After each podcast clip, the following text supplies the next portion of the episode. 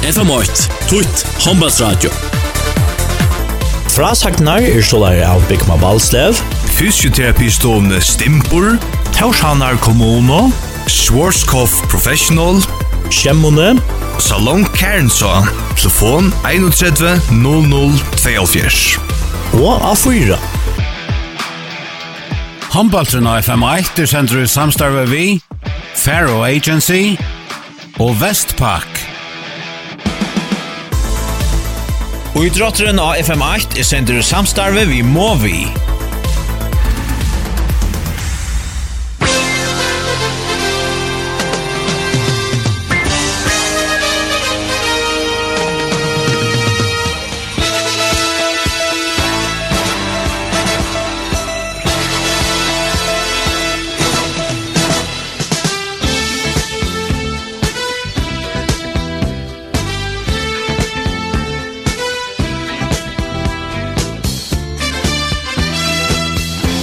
Velkommen til Steiba-finalene 2022. Faxe kom til Steiba-finalene. Tja, månen.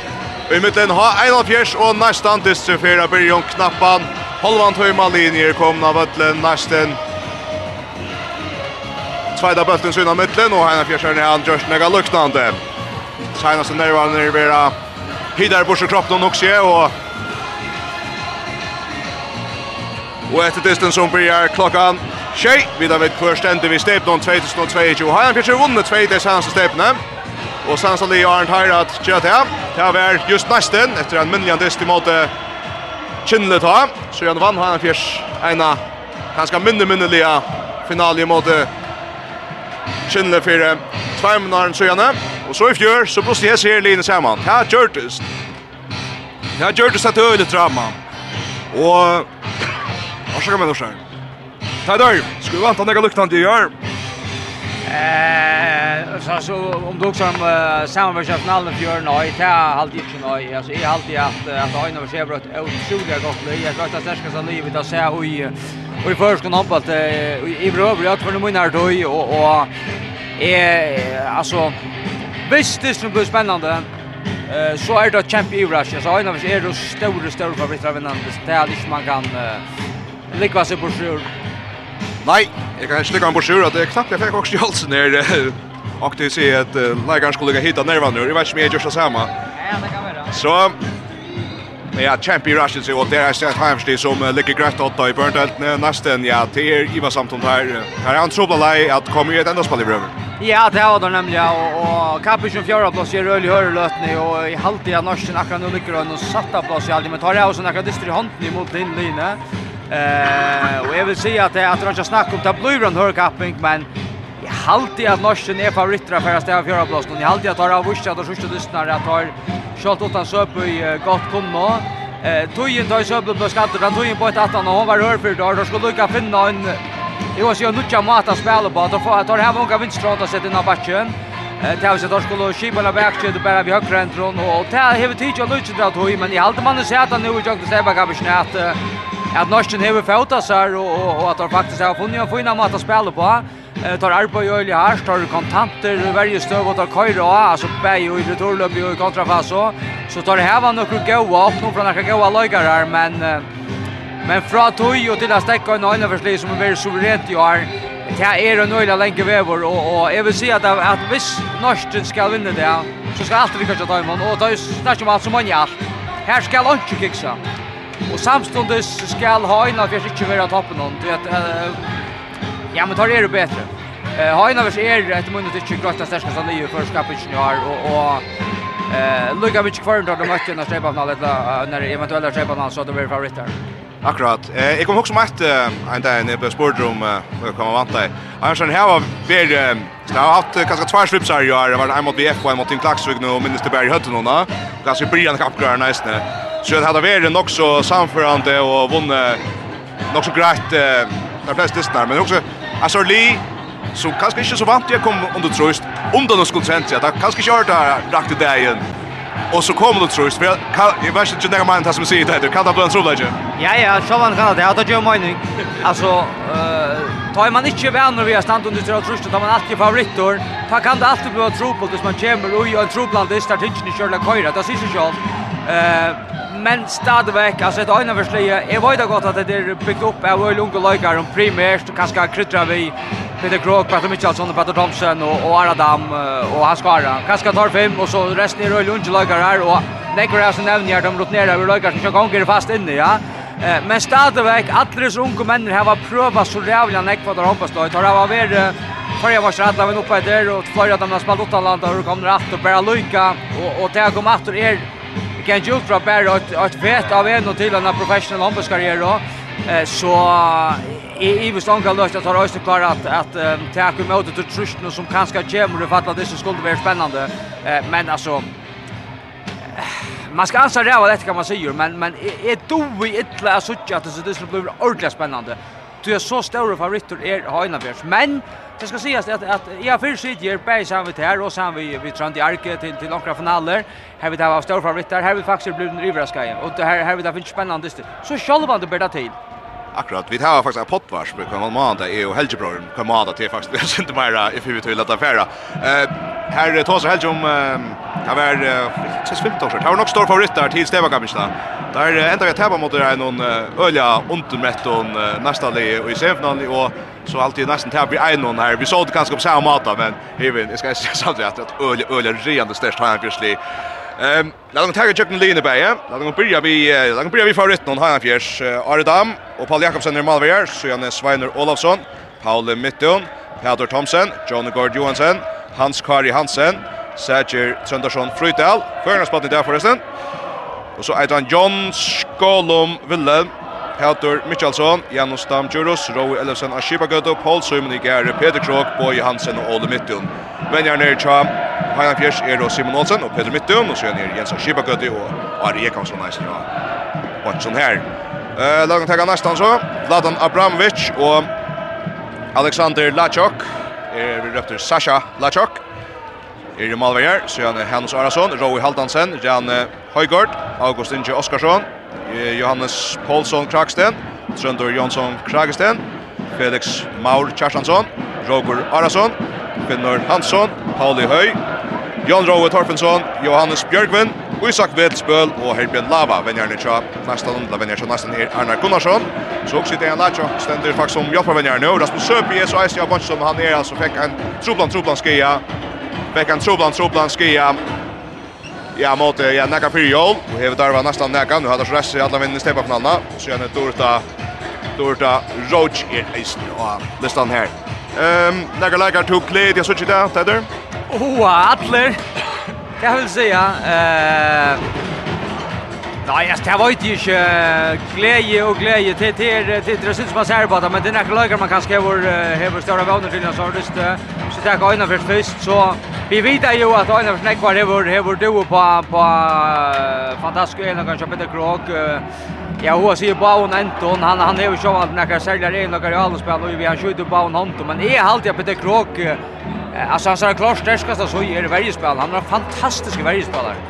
Eh och och Jag glömmer så han men men annars tar bara Paula och och Ola mitt hon Det är två lagar som Sean Pauli nu vill vi några år och det förstår John och tar hava eh öjlig evner och jag på spela någon och och ta glädje med den klass och näck var spel nu jag har innan fjärs och och all upp spel det röst byggt upp omkring det att har isolera Paula vid den första trust ja han tar kvar en en en en en rundgång minst vänster och ett ett ett ett Frankrikes vänster Paula ändrar minus tricks var inte Borstor så får han en duell.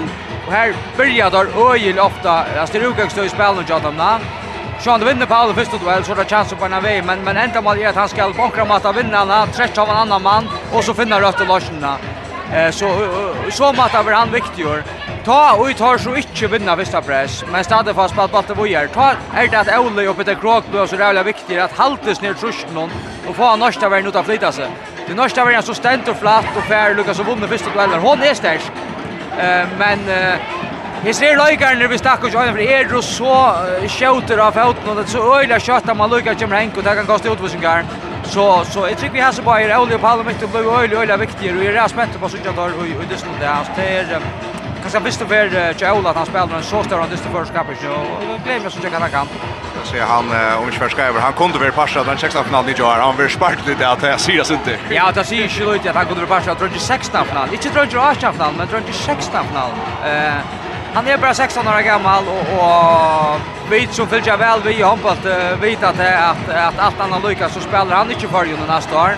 Eh och kanske om man så tar rätt år att så spelar han 25 år alltså för han är så rävliga rävliga talentfull. Han är Eh, jag ska inte säga att han har stått vid Elias, men men ta Elias var 16 år, ta, kan man gott samman på att sammanprata bara. Eh, du såg ju det då. Eh, men om man pratar. Han har alltid häst vet vi det har sig för då. Och pressa som ung man det första blå samma och där ben. Gamla snack middel där kan man då. Nej, det är långt präckas i vuxna handboll. Ja, det som är alltid intressant vi vi har ju något för så för är det att det börjar rätt rätt störst första legend man. Men alltså Elias Versmar 15 år gammal då vi sa att han kunde bli en specialspelare. I halde at øyna for du øyla vel lofta dem fra vatningen som er til disse løgaren her. Og, og det, det er så kjempe råsbyrt her. Og i huksi i øyne at, at det fører noe Elias trikk Trikvi at, at uh, papi hans har vært øyla i hans har tilgang til håndballspillet. Og man kan ikke kjøtja bort fra, fra, fra, fra tog backland som slagaren va. Det är øyla øyla størst forhold til håndball. Det er skida bayer, Peter Mitton, Jensen Kibbegaard, jeg bannstunner det og namn man vill nämnt och så bra med sig så rätt. Så ehm så annars då säger att dock var ju här får att blöp först eller ja men på mitten här har vi ju konjust att han får flera land någon och också kanske Lee Brödest Line Brödest också nek och också snickres färra. Eh, jag tar nästa män där. Kvätt ehm kvann kvann lägger skulle vi ett glädje till så tjock för att skulle Lushar nu glädje sitt land höra. Ja, eh norska lige hevur øyst til spännande spennandi leikarar, men det er kanskje særlig nu som det så tað in ordentligt av var steppa upp. Det är strikspelaren Luisa, han är bara åtta äldre än Olmit, og han är bara han. Eh fantastisk strikspelare, och det som är intressant vi har någon är att Kan man säga några gamla gammal Emma Wallens som är och varje spelare i bästa men han är simpelt en Victor som en trollback som är över. Han är jättestor och alltså 1 meter och halv hems plus och GT 100 kilo plus alltså och han är öjliga öjliga väl för fysiskt. Tasmin Trump, han er ikke bare tungur, han er ösnig godt fotarbete som ger han rinkan bäge och er måste så välja ta vi ger men ösnig rinkan kommer från boi du elspel in ända tog han er så god ut och ällorna. Eh han glömmer ju att det så tjå.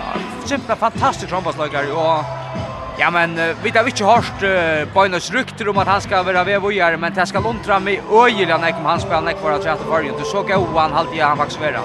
Ja, Sjoldan, jeg, jeg kom jo også mest, først blir jeg sa nesten i hvert, så det er ikke fra jeg for at det hitja. Og så legger jeg mest faktisk mye av hvor er jeg snører, Och det vet att nästan det finns ju Östlandingar till att han må avra största historia. Han är garanterat förställde. Det ser ut som förställde hoppas på det här. Ja, ta kapgar jag börjar ta ta så att att att Karl Marsten Olsson som ju var en dålig Donald Sixberg join efter så stora åren. Nästan. Nej, jag har jag nästan och inte är spalt säljan jag och och Jeg måtte så for å finne det av hvor det var spalt i stegen, og, og det var sånn Isak Vetsbøl, det var også ok, og en danskare kom for, ja, det er sånn, navnet er jo synte dansklinger, ett navn, ja, Eh, men nej nej, det är en en föringår som jag bara inte på en annan mat har mist har vi uppe. Det var inte annars har haft talentfull Lee som kom upp. Det heter så en de spelare som ja, som är som mest så står det. Annars vi är nästa Lee så glädjer mig så lägg till August. Han är Han har öle öle gå hookbor. Eh vi kallar det här förrän ofta utländska hookbor. Alltså det vi blir strujast og arbeta alla alla alla nöjna shot och tingen i shot och gänga så som man gärna låter gänga. Eh han er går om på spelar han gott skott. Han er jukt på stäskor han köjer og alla nöjna. Eh og vi söker at vi snakkar om hur øyna öjna skipa torra spel vi att få fyrst og väl Chapala mitt då. Eh Norsk til Gjerna det samme, men det kører sin drøvelse, tar køyre øyne ofte brøtt press til høyre, Han stavs høyre bakken legger brøtt press, mye mer som ofte trådde kraks, det kommer og sinter trøyn høyre, og isolerer av motsatta bakken her, August som skal egentlig legge fyrsta trøyste, og han kommer vi 100 km drøyman. Og jeg gitt i høyne for fire høyre bata, det er jo det ofte henter er så at man lytter, men han bakken stekker her er lytter høyt, så så August inte bara släpper att tacka duellen men jag 8 9 meter och så är han allt allt i världen förfärlig. Men det är så där så en av er nej nästa nästa kan ju byggt några spel upp. Nu har Lina John List, ja, det står nu stegen för Jerry Ranna gav är att ta köra. Lägg upp till här där. Hända upp med Jen och så gör det ständ för kryss här August ändar ofta vi lägga trust av mig i stägen för det. Men han är öjd ofta han lägger som börjar första trustet.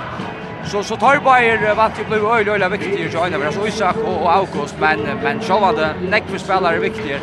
Och ett annat som blev viktigt och vi hoppas till det att det är Wenkelner, Jabal Leon. Wenkelner att har ju chefsäker blues öjd öjd tuttingar mycket och och Jens Berlin halt i hava goa veckor. Eh Vi såg åt döms i fjör då i ta i Norsten mötte vi och F får i halv halvfinalen i Stäbba kanske alltid halvfinalen i FM ta i Mladen Simpleton stuncher högra vann från Norsten. Men det ser ut för mer som högra väg har Lars då ta i motgång. Det står faktiskt på superkappgården hur är så så så tar manager spelaren på och har mött gå Malmö någon sjunko spelaren. Men i har rullar positivt. Det var ju att att först drop att det är rövande män. Ja. Vänke högre vänke tja. Högre vänke tja. nästan ner Hannes Arason och Jon Roe Jon Roe Torfensson. Ehm Och så ett som alltid är området. Du kanske säljer området till Chatulin och så ofta är det inte typ om du ska få en Anders. Det är Malvianer. Och så särskilt här.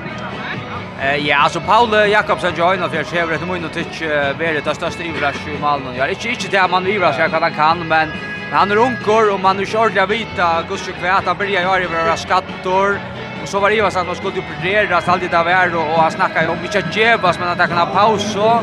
Men så tar han efter så tror jag viktar från byn binom. Så vurstas jag ska jag kanske inte vara så jailer som han var bänge för det. Och så jag tar det breaking till Ismail Paula till er jag har kallat det bort hemma alltså han är steg i ett ett streck och kapingar och och är då nu har större profilen av förstår Verslin. Och är halt att att täcka vi mammas kampen så är är Raina kanske plus här till halvtid. Nästan så kan man nu finna finna tillgång till VF vi Sasha Lajok och Jag ser Vladan Abramovic som jag ser kanske mera börja det kapgarna i halvtid vid Tosan också med hans som en öliga gå ner jag Malberga. Så är det ganska det kanske ser jag mot Kolfring och Varda Sasha Lach också var ja fick ju skriften. Ja, så där för det där. Ja, sälja ja och och det som blir intressant vid Norstalin är det att Sasha är ju en ung man var en en ung. Ska spela watch ända spel i sommar i förra. Ja, akkurat. En en ung man var han är bara två år yngre än än Paul och Malin Joinov Jers. Og Hangen Ivas stod at han er et kjempetalent. Han er Et mun det ikkje ikkje støyne til Paula, men han er tvei år yngre. Han løs vel egen mamma til kjøster landslid nå. Det som Øysen Kjørs kalt han John, akkurat som vi nevnte vi dømes uh, eh Elias och Chipa Gotti og och Smegan i er vi vi midt om mitten backen. Det är att Sasha har ju Ösnia en en pappa Røyma som uh, som er en øyla och lärare match John som Ösnia mamma Sven gör tja nästan någon altså det er han la chock eller la kock er smuta där. La hadde jeg faktisk. Han er han är svär vad vi vinner første första landslaget. Ja, akkurat da. Så så utelig John Fyri at Nøyvan Orda Nordaga mamma er utrolig otroliga og han er Öjla väl av er. Halt att han nu tar sista dysten av vurst att stöja om kan rölla. Men jag har nämnt att att att som blir du vet ju när han kom ner att knappt jag har två öjla donar i Malmö. Kanske är det bara Öjnes mycket där till. Jag måste skifta där bara ut. Tack han Öjla för så Öch gör. Ja, det vi där är är är väl att i i halta att du säger där just at att ta særlig fokus av Adam. han er ganske någon mindre like men om näkar här runt slukt för. Ja, jag har ju alltid sagt att Adam är det som jeg kallar för en big game player, alltså han spelare som är bäst i stora distan. Eh och det håller jag fast vid. Han är han är öjlig öjlig stark mentalt och och jag vet han brukar näka utla fyra röka på skyttar och såna och och känner Morla men var hver spelare gärna vill jag skjuta.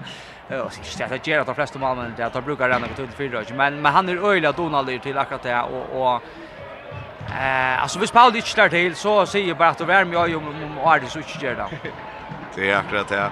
Eh, att jag har att spela efter det. Det var näka som vi som huggt efter kan jag få nästan ta sig av Nekom. Det var någon där för maktvärden som faktiskt vi inte ser som alltså var rulla S24 fjör för maktvägen nästan. Vi har tjäna men det var visst ganska ta mankla typen och där på med Palla Höj som kommer efter och det är mer som ja, så jag tänkte svart hemma. Ja, det är så där så mot Rockon och hvis vi tycker nu står Rockon ute i halvna ska jag Og og vi har haft trubbel mot Raka dessa verden på i fjør og i år og och ta ta så vi åter så över halvfinalen där. Eh Himen hade inte att Höjbyskingar har haft så mot trubbel av dessa verden. Tar prova den den där dyste då i Heiners vann mot Norstan och i inland bakasbanan i Stävagavsnä. Og Höjbyskingar mekna og nekk betri at at få bollen köra og få bollen köra bojar shot for bojan där ner. Vi kallar det 5-8 verja, eh, ett land, det du nämner, vi kallar det ofta Norsländigor, och Norsländsverige. Jag heter också vi att har lägga en man. Han ligger så offensivt och han ligger bara förstyrrar. Han täcker onkan. Han täcker faktiskt onkan. Så som grinda lockar, länka armar, röd bara för alltså Orek vad. Det var simpelt det här som vi såg alltså i halvnat. Ja, Orek var näka så otroligt. Ja, och det är på en via så varje formation att det blir känt Ryssland som skiljer landet. Ända mal vitt är att bråda ruttna som måste det Och och det kan han där varje alltså som varje hatter en väl gärra. Men är är oj men det mer att att ha en för sig vår svära på att det tar här var sån kvar spelare som är goda och duellspelare och ju vem man läckra spelare såna ut jag vet att han blir vår bättre plats till akkurat det som är faktiskt med att han är bäst. Ja. Vi har några touch om noter till testar. Brian tar ju på så tjå. Hur så där för att Genga Det är sån här final fisk linjen i måte nästa någon men så här fisk risa favoriter alltid vid där för just där så chans 20 minuter när Ehm vi får höra kvar från stolen och kunna se fra här så här här framöver korsene. Vi står från favorit lag då det så korsene framöver och har varit och Faxe kondi steva på 2022. Hesse hjälper kan se fra. A4 Veitar til vinnerne. Hakasko Ampo, Kemi, Kleier, bilinrättningar og mengt anna.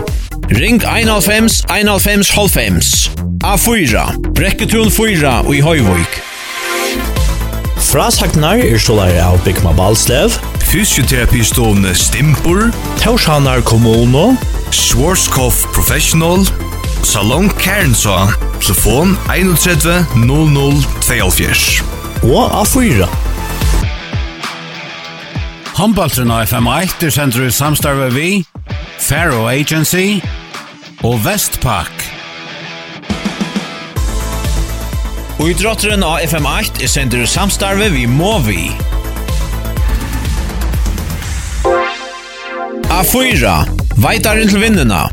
Hakøsk og Ampo, kemi, klæger, bilinnrattingar og mengt anna. Ring 195 195 halvfems. A4. Brekketun 4 i Høyvøyk.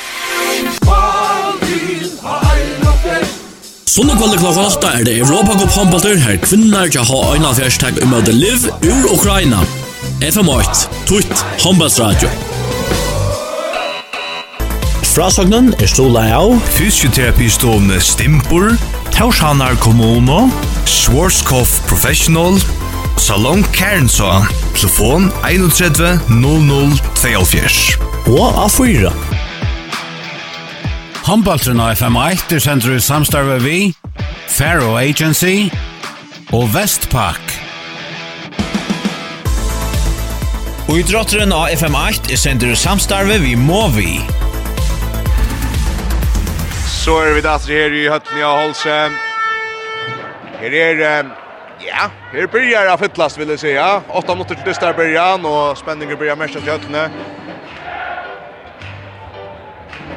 Nästa folk är ja. Går höger kvo är är vad sent det åtta mot det första för att vi tycker som här var TV fast totter har kvinnofinalen och mansfinalen så man det är ju så framvis. Och nu Sean Diao, Tom Sörl Joshuk någon vi Robacop och så framvis som vi får ju över totalt och så där till. Så så är det bara inte där men jag kan se att omstundar här tätar. Eh, i hade omståndar rulla goar, omståndar är alltid goar och Hatt i halsen steppa på nallera, så røyla nek raskvar, nek raskvar blås, Så det visar sig att... Ja, Føringar er rascher av saunast om, om steppa på nallera, så lukar vi ikke til Jabatten til jag vuxen. alt Føringar er är rascher til, ja. Självande vid er och jag har sig i skuggan när man en pandemi Och og, här her gjerne kanskje at hatt inte är stickvande fot, men, men her er og øyla nekvalt, galt et røyla gavarløy. Jag kommer också att det kanske ta av det att säga i ena i höll handbollshöll och i ena två kan man nog i för finalen samlar nick för så är det kanske Westman och Skal och så framis. Men höll Holshultens blir avmarskat landstyster så framis så det är också en också att så chats. Ja, i också är samtor men FN finalen av Skala i fjärde kvinnorna ja. SJ har vunnit. Då var vi bara där, det var ju höjligt. Ta var höll stickvante, stickvante hotla. Jag har inte sett så för oss. Og Här är er gamla under Tom sätter. Vi halte selja en gång med vi vi ingångsna. Og så kjenner det så kanske tar utnast fjäppar ett lag. Jag Vet inte utnast det tar det som Robert Harris där kanske sätter sig samman och kvørsut. Hot. Just nu har jag kanske har jag Hajan Fjörsjärn här som är igen och så nästa patchen sidan också tatt vänster med Ockon och Jag ser En stäva finala, det är oftast han stått i det över, det här må jag säga. Det är en öjlig låg med en dajst, och nu kommer lägaren av ötlen och jag tror att han ska lyckas sig att ikon har vi får gå på det vitt i hattalarn för en annan för kvar spelare. Bara Brimvik och Jekvan Kjell, Nålsö. Döma distan, och så kommer lägaren in, en för en med efter upp, och så kommer där in vid Fyrjensund och Fjeppara. Lägaren vid Fyrjensund och Fjeppara. Ladan Abramovic fyrst, og så Hannes Aransson, så gjerne Roe Haldansen, så gjerne Høygaardsson. Så gjerne August Inge Oskarsson, som uh, Teitur leid enda her i opptakten tjakon. Og som jeg sier, vi intervjuer han faktisk her, at han har fyrir halvfinalen av jeg vet ikke, nesten KF. Jeg vil æsta med over, så hei, svar atla stedet, fordi han er virkelig kvar jo. Bare det er kvar næst all oppi, jeg vil jo se.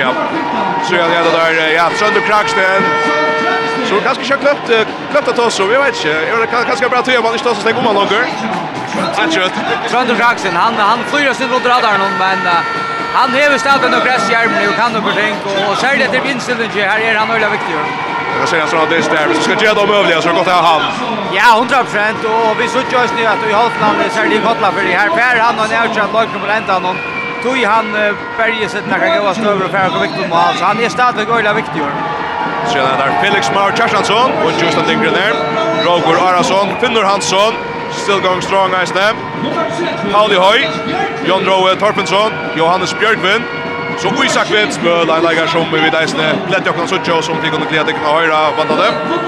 Herbjørn Lava er senast med avra neste lista nå, så er det vennjerne Arnar Gunnarsson, Dejan Lachok, Rasmus Søby og Dorita Roach. Sjøne kommer, Einar Bjørsjønren. Nummer 1 har et dam. En leger som hever vunnet Det är otroligt missat helt. Det spurte han för en 2 mot 3 mot Staples så jag hade kunnat vunnit. Det var höjt jag tänkte. Eisen vann flera step vi BFM och Staples Cup vi nästan någon. För några flera år sedan.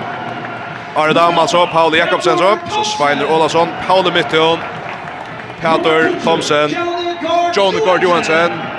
Men som är ju nästan lagt ut i finalen i fjör, ganska sälja vid brottskostan. Hans Kvar Hansen, en av en av alla runt oss med Monnon och han Kristino så säger ju Fröjta en av Unko ja European Open vinnaren framis. så Jon Jon S. Wilhelm Jon Wilhelm så Peter Michaelsson återvänder ur Östländska KA här om Jolne Det är så tror jag att Niklas Høygaard Hansson som är värre fast i krigsspelare han är alltså skatter. Sitt faktiskt i mitten där av bunchen alltid med Ledger Mesh till. Sjön heter Janus Stam Jurus. Jag stannar hos Nonko. Ja, kommer till 20 spelare någon. Roe Ellison Shepard går till som och lejst här. Paul Sumnigare, Peder Krog. Och så Boy Hansen. Och så Sanz som är störtalentet Ole Mittion. Och som tajt var inne. Ja, ja bara med vi. Isak Vetsböl. Och Ole Mittion, Sasha Lachok. Alltså kommande så sommarspelare och Achan enda spel. Alltså om i Roma-mästare heter. Och så är han Henrik Örs spelar och 20 enda spel om i Roma-mästare heter. Är aldrig gå till hur först hoppas på se. Alltså Olle Mitton han är fattor i 2005. Ta er spalt en fem år bäst då. Jag känns det ju. Du sa det långt där. Vad det har det lagt ut. Existentiella krisen nu där. Jag spekulerar på om är gammal att han runkar. Det var Nu ser det som du säger om Trond Tour så jag tror ändå gräs i ärmen det här så jag tänkte skulle fast vid mig igen. Här Simonsen stod i chocken han ser att han han vill nästan se hem och i i forsen så framme så han rör bra. Han åker också. Nu blir det AEM Chabe och Chua. Ta men här snurrar sig alltså om Faxe Kondi i finalen 2020. Skulle tippa et kjøtt, hva, ja, tippa for vinner, hvordan jeg? Øyne vers vinner. Kjært. Jeg sa at jeg skulle hans vinner. Her er Simonsen tippar 25-21. Det skal så jeg sies at for en tvei måneder siden var det eisentlig, og min eisentlig noen korset at jeg kom til å være etter sterska saliv, vi tar vi tar vi tar vi tar vi Ehm ta vi lite skipa gutta så framvis. är så tror ju nu jan till han fjärs mode chinnet han. Ganska inte han ta tås av det om sluga månader det här som är och och att rattra. Men som man ser som nästa med över Det är att liksom under värro vi att du är så undertippar. Det är kanske 20 alla. Nei, det er faktisk en større firmån. Jeg sikker vi det er norsk nevda godt vi har rundt det bare. Jeg tror kunne komme inn til at det skulle noe nekka som helst trusk. Jeg held jeg, tar var jeg rundt det bare i halvfinalene. Og, og jeg halte det tar dukt og øyla vel utnyttet til at ønsken vantar uh, særlig meg. Og det er kanskje også tar en chans til å det. Nästen börjar vi bulten här nu vid det par runt i faxe konti steppa finalen i 2020. Sasha Lachok börjar i mål någon så av vinstra vånge Johannes Björkman av vinstra backe Augustin Joskarsson. Amine Trönder Kraksten. Och högra backe Felix Maur Kjartansson. Och högra vånge Hans Arason och Inja Signe Isak. Vetelsbøl. Trönder Kraksten.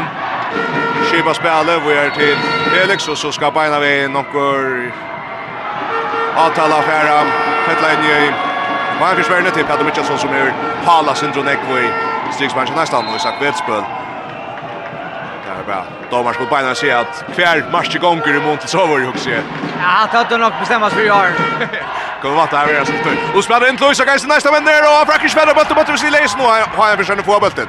Därför har kött fram efter Paul och mitt om föra fram och så tar Paul mitt om föra bollen. Hajan Fjärs börjar vi Paula Jakobsen och i mål av Vinstra Vonge, Janos Juros av Vinstra Batje. Ole Mittun, og mine Paule Mittun, og høyre bakke Peter Krok, og høyre vannsje Peter Thomsen, inn i strikene Peter Mitchalsson. Så kører den. Jeg skifter her, lever Olja midtfyrir, han omast stemmer fram hit, første mann, og netten altså nakra ikke, det blir godt kors til Felix Kjartansson, fyrir at heva koppa Ola Mittun. Vinner runda bråd i jøkkenen. Rørner, Olje og Paule Mittun, pratar saman, styr Paule Tejen till Han skifter, lever Palja mitt fire. Ut av høyre bak. Peder Krog skjuter, Och Sasha Bjergar, och nästa Per i toren. Sasha upp Bjergar, första skott någon tja, han fyrste til 0-0 frammes, vi har spalt i 1 minutt og 45 sekund. Sönder Kraksten, Brun Jøkner, at Lutzen har plasset, og kvart frukast. Ikke mer enn det så är rymligt avvärst att Olle Mytte och Nielsen blir in i, i värgen, värgen stövetja. Majan Fjärs, så ganska mera i det stepa kappen till annars värjan. Nästan bara alla flaggare börjar vi. Ja, men det är ju snett aldrig jag tror jag att Norsen här vill gott alla här och högra backe och ta bilar så att hon kan vann i världen. Ja, nu lever dra just här, Felix Kjærstansson, högre hänt i högre backen. Så visste fram den öliga Brian Skåton ner i korsen i halvfinalen. Og August Lindj ja som kör för Björn och inne mot Peter Krok Rönnar rutta sig läsan. Därför har Byron Kott och så pratar där center om att Peter helt rätt att detta är en last och August helt rätt att Men just hon är alltså. Ja, han gör för en kvätt. Det är skuldkort. Virgo korset för en till, Billy Krog och sitt hade skrasset till. Augustin Jaskarsson pressar in från vänster sidan minnet som Kraxton. Det är bra så Felix Kjartansson och synet det skjuter ut från att det är något så brett i högra backen skjuter synet. det. Framvis 0-0 nästa för ett mål. Det i knappar 20 minuter. Så för Palme mitt om gör där för finner Peter Krog och måste vara vojer. Innan signa Patterson Days och Hammerson får något. Ole mitten utan vänster vånk. Stam Tamjuros och så 1-0 till Heinan Pierce. Gott vångskott från Janus Dam Juros av vänstra vånken og næsten ja Alopet. Sønder Kragsten, inn i måte Peter Krog, dette er sin drekk med i hva sier dommeren her, guldkors. Ja, ok, så går jeg stedet på stedet, Peder Krog fikk ikke guldkors i alt, ja, ferdig nå. nu. Sønder Kragsten finner et hål, og Peter Prakrat sett armen fyrir av hva sier, og så ser det sin drekvist ut av dette saman. Men at det er stekka gå vant til det, at du sier at, ja, særlig August, for at speitas nekvinn i verjina, Nej, för jag var nog snyggt för säker. så vi nästan i halvfinalen. Ja, det blir räkvis lite ut i månaden för säker. Och så, så, så blev det säkert nu. Det är Augustin Joskarsson uppe och hänger vid tacklare och Paula mitten först och så är det Peter Krog. Frykast nästan. Frykast nästan vi att spalt i 24 minutter. Här är 1-0 till Heinalfjärs. Nästan söktas det till första målet. Jag vill köra skott i mål till Paula Jakobsen. För Kjartansson kör fram i och Janne. Annars var det stickspel. Så mundighetnas men Korsen i misset näst. Det var det Johnny Kraxen och skjuter näka väl om han fyra han drar in ett ganska ovantat skott näka ut i högrum. Så för han från fram efter Paul Mitton så drar jag fyra så till högre Peter Krok långt ut högra vång släpper inte jökten Kalla pressen där vad som där tackar det av ja där tackar fyra nu där tackar fyra nu Paul Jolle Mitton pratar samman så Peter Krok Och med från vänstra backe, Paul den kontra miden. Nästa väger nu i section all Väger August ganska Luis under lång grupp i mot Peter Krog. Så är där mitten backe när du vänster Paul mitten av vänstra backe så bjökne och skorar 2-0. Ja. Där snäggas om också tajt och inne i upptack och så kvar där kött nästa men. Sönder Kragsten. Vi är till höger till Felix. Bulten sitter där sin drittla. Röna halta press i korsen. Så vänstra backe. Oh, bulten är laser här själv på han. Hittar fram efter och det bytte hon hickar upp efter kvarteren och skjuter högre på mitt. Peter Thomsen först för bulten och nästa för bulten. Nästa för bulten. Ja, men jag låg just eh en annan någon last här men jag vet inte kan det Alvin skjuter själv va? Nej, ja, Alvin är inte den bästa, men jag håller på Peter ska lofta så bulten och han ska få att att det ska bli en 100% chans så. Eh självande tar vad han som själv men men Alvin kan gå spela skarpare än hon i hans så för alla mitt då. Men her fyrst fem minutter vi sutja til at Norsten faktisk ikke kommer til en reell chans än men har vi ikke rett og slett kvar for. Som säger det vi tar där få på mitten nu det här så öle Latsson kommer ut sen i Tanskral 2-0. Ja, nästa Lebrats under Kraxton en Ja, Jans Björk kom ny igång till Per Bulten men släpper hon kommer in Jökten frukast nästan. Ja, tar lite efter nästan. Ja, tar lite och och heter en en lite snutt jag att det här men har vi ju kan i fyra kvar bara. Sönder Kraksten han och Giro Protection Clubs åt den vänstra så. Det han så som hjälper sig till högra vänster som Kraksten på första press högra backen av Mina för Charlson under skott Paul Jackson Bjärgar inkast nästan. Nytt all upp till nästan. Ja. Ska ju gå om transkott. Det sitter åt Lea sitter härst och Men Paul Jackson går trodde Ja, han är lisen alltså. Han kan bara skjuta där. Han är han är vinstrom av varje spelare. Ett undrar skott. Han kan bara skjuta där Paul Lesra. Så det Clarkson lever bra här. the mitten helt tror någon. Frökast. Frökast nästa han vid spalt i 6 minuter just nu. 2-0 till Hanna Fjärs. Nästa leder ett mål. Så det Clarkson. Och vi är Laukos och han är plats i brottskast. Ja. Det sa sig det löj ut. Tröntor han så som att han stussar bulten och så bojar han center så finner han Laukos korsen och Steppa där, ja, så stannar innanför Hambjörn nu. Ja, det visste vi det såg så Jamal Alvarez spel från Ryan Alvarez. Hette bollen mitt och ständer svävor. Augustin Joskarsson tar brottskastet, och Pauli Jakobsen bjärkar han för bollen. Han för spär bollen. Ja, och detta hevt och kör det rakt till. Tar vi tås om. Ta like som är man undrar till power framme. Ja, ja, vi tar som där och det det som nämnde det det som sig gör ner att fyra att Norge ska vinna det så ska allt fettla ta över. Ta hävd och skrata brända brottskors. Alltså tar skulle skora på sina chanser och och Malmö ska bjärka det alltid nu att Sashi och Josh och förron och och heter det tätt nu med att att det är smarting på en väg mycket fettla att Norge. Kör skär mot Bayern och nu ut under plats och skjuter Roma kommer i och tar i oss center så dömer där frukast. Ja här tacka då man kan ta det just mitt med men är inte samt att det ska stömmas. Här är här är Onge som nästa vecka. Den han hoppas så att det detta mästligt ganska det blir så mästligt. Han är mitten han är bra tror han är plats och Sasha Bjärgar Sasha Bjärgar. Hickret shot av någon finish visst jag lever så pratar fram i är i att lever. Trent och Kraksted Högre till Felix kommer in mot Värn Champions. Han är bra på ena vägen skjuter vi tacklar vår och Frykas nästan. Frykas nästan. Vi ska köpa Bjärgar där från Sasha. Paul i mitten färdigt där. Ja, så vi skjøter fram i mye verne. Gå Bjarke Kaisen. Ja, ja, gå Bjarke. Men alt i øyne heter er... Hva skal først for sånn det at, at Høyviskingen er avtalen? Han drar omgang grunnlag, han drar omgang grunnlag skjøter. Han drar en, en buttstøver skjøter. Lasten skal gagna seg av Tøy og Mikko Mund. Det er for 2-0. Vi har spalt i går 20 minutter. Og så blir han utvisning i mye i tja. Han Fjers, det er Peter Mikkelsen som skal ut. Han er ved Barston Ekby nekk vi og Isak Vetsbøl. Og til ødeførende vi må inn i en øyne tøylet og sørge. Han har trøttet seg ikke mot Gjørg Jaren. Den skal sørge dommene. Øyne og nekk Pelter. Men uh, han var sanns avhverdag i ja, aller første sekunden. Ja, ja, han fikk en en avhverdag på en av veien. Han fikk ikke golfkår, men han fikk en mulig avhverdag og, og tar velja så kvar han ut nå. Vi sørger dommene. Ja, jeg blir kjærlig han ikke på oss, ja. Stemmer seg akkurat mer. Nästan där Brater, är en flyer av Öknon. Kom där skorar sig första målet. Söder Jackson, nej han skjuter på om. Han kommer till plåse och han skjuter på om. 2-0 till Heina Fjärs framme. Skjuter spalt i 8 mot 15 sekund. Och så är vi där till här. Allt skulle ettnas, och inte ettnas. Nej, men här ska vi komma så tar så långt en chans. I halvtid tror jag skott tror jag tror och han höll kicksar skjuter han längte på mål och till till chans skott nog men Men jag ser att tar avast det finns jag och tänker är halt den ut och ser jävla boll i halt det är smala gott kort så måste du göra något så jag vet inte. Sager Chandarsson flyttar alla kommer att strikna cha Heinan Fjärs. Gör alla mitt om step Ras. så inte Sager Sager Frackers vad hon har med lägg bort till bulten och Heinan på Pedro Natt. Heinan Fjärs är nu får Pedro på bulten Natt. Alla mitt om. Lökro, vandar vi sig allväg men Pedro blir kacknad till det och så blir brottskast. Er är nok nog så näkt. Där spelar han bult uh, ut i högre och August han satsar allt som han har i rättas bulten. Räcker han inte så Peter Fryan en chans att och ja, vi brottskast kanske då. Ja, brottskast er rätt och nu för jävligt fighter av August. Alltså han ska inte vara ute och fiska där man är och givet det allt runt grund till. Jag at säga att vissa Gerda så ska han vara pura, pura, pura sig på färbulten och där fick han inte. Så han är för jävligt fighter men hivet är ganska så låst norsk ska satsa för en chansen. där. Peter Thomsen tigger brottskastet, kan ikke betryne noen her. Vladimir kommer kom inn i neste malle. Og Fretsch vet av bøtten om bøtten for Nete. 3-0 til Heinan Fjers, Peter Thomsen vi Mali etter brottskast. Nutsje minutter farner, og nesten, ja, 18-4 er omtastøvn i eisene. Peter Thomsen! Og normalt på nutsje minutter, til skott. Nei, det må vi se. Hevin, så satt jeg eisne jo, hei ho at hatt han samme öttan som jeg har nu, kan vi vite spennende, da vi var i halvdan, og bare en tvei om neist. Så bare en tvei om neist, og KF. Spelar Rani Højgaard kommer in här, spelar in till Lusik Vedspel, men han vill helt en frukast till nästa. Frukast till nästan.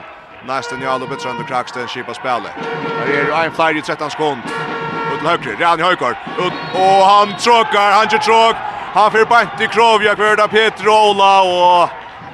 Ja, Ja. Det går kanske det till nästa tar vi bra såna. Nej, det man säga och i bor som att det tror. Jo kanske. Jo jo, jag tror att han flyttar balans och ändrar fast någon och så så är det rätt att de att vi chans kanske inte få en en, en fria chans.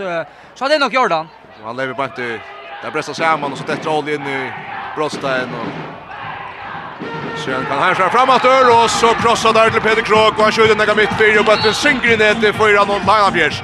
Fyra någon Lajnafjärs. Nästa med Tivin. Och Isak Vetsbøl. Och han kör i Vitsak. Han kör i Vitsak. Och sen har bulten i mål i SFR. Nästa för bulten i mål. Men där har framme. Kyrkje finns ju mål åt halvna. Tvitt där kör i Vitsak i största övne. 4-0 till Heiland Fjärs. Ja, tog av varje och kontakt. Detta var vant för att det inte var spännande. Men akkurat nu... Uh, Sinter uh, avspännande vill säga. Ja, det nästa band dra vi kan ända vi får en final som är speciellt spännande, men det ska så sägas att uh, Norsta man här var så öste bränt för stora chanser där så kör och, och så Bara Hayam Shani. Jag blir lugna snugg nu och håller mitt och han kvattrar sig upp uh, mitt i vägen men han blir helt i korsne. Vi är helt i korsne. 11 minutter farner. 4-0 til Heinan Fjerskjer i Faxi Kondi Stevapnanen 2022. Peter Kroger lyser og blåser. Bjørn Amund August, plötsligt leser frukast. Frukast til Heinan Fjers. Peter Mitchelson er kombinator etter Sjøna utvisning. Så Peter Palla Mittel. Arbeidsen Sæve Striken, kommer Ole Mittel. Skjuter, Sascha Bjergar og forfedrer Bøttlån. Næste for Bøttlån atter. Næste for Bøttlån atter. August för fram mot vänster Sunna Minel som kraxen han får upp en ger och så skjuter mot Paula men här ska vi nog tusen klara fjärs.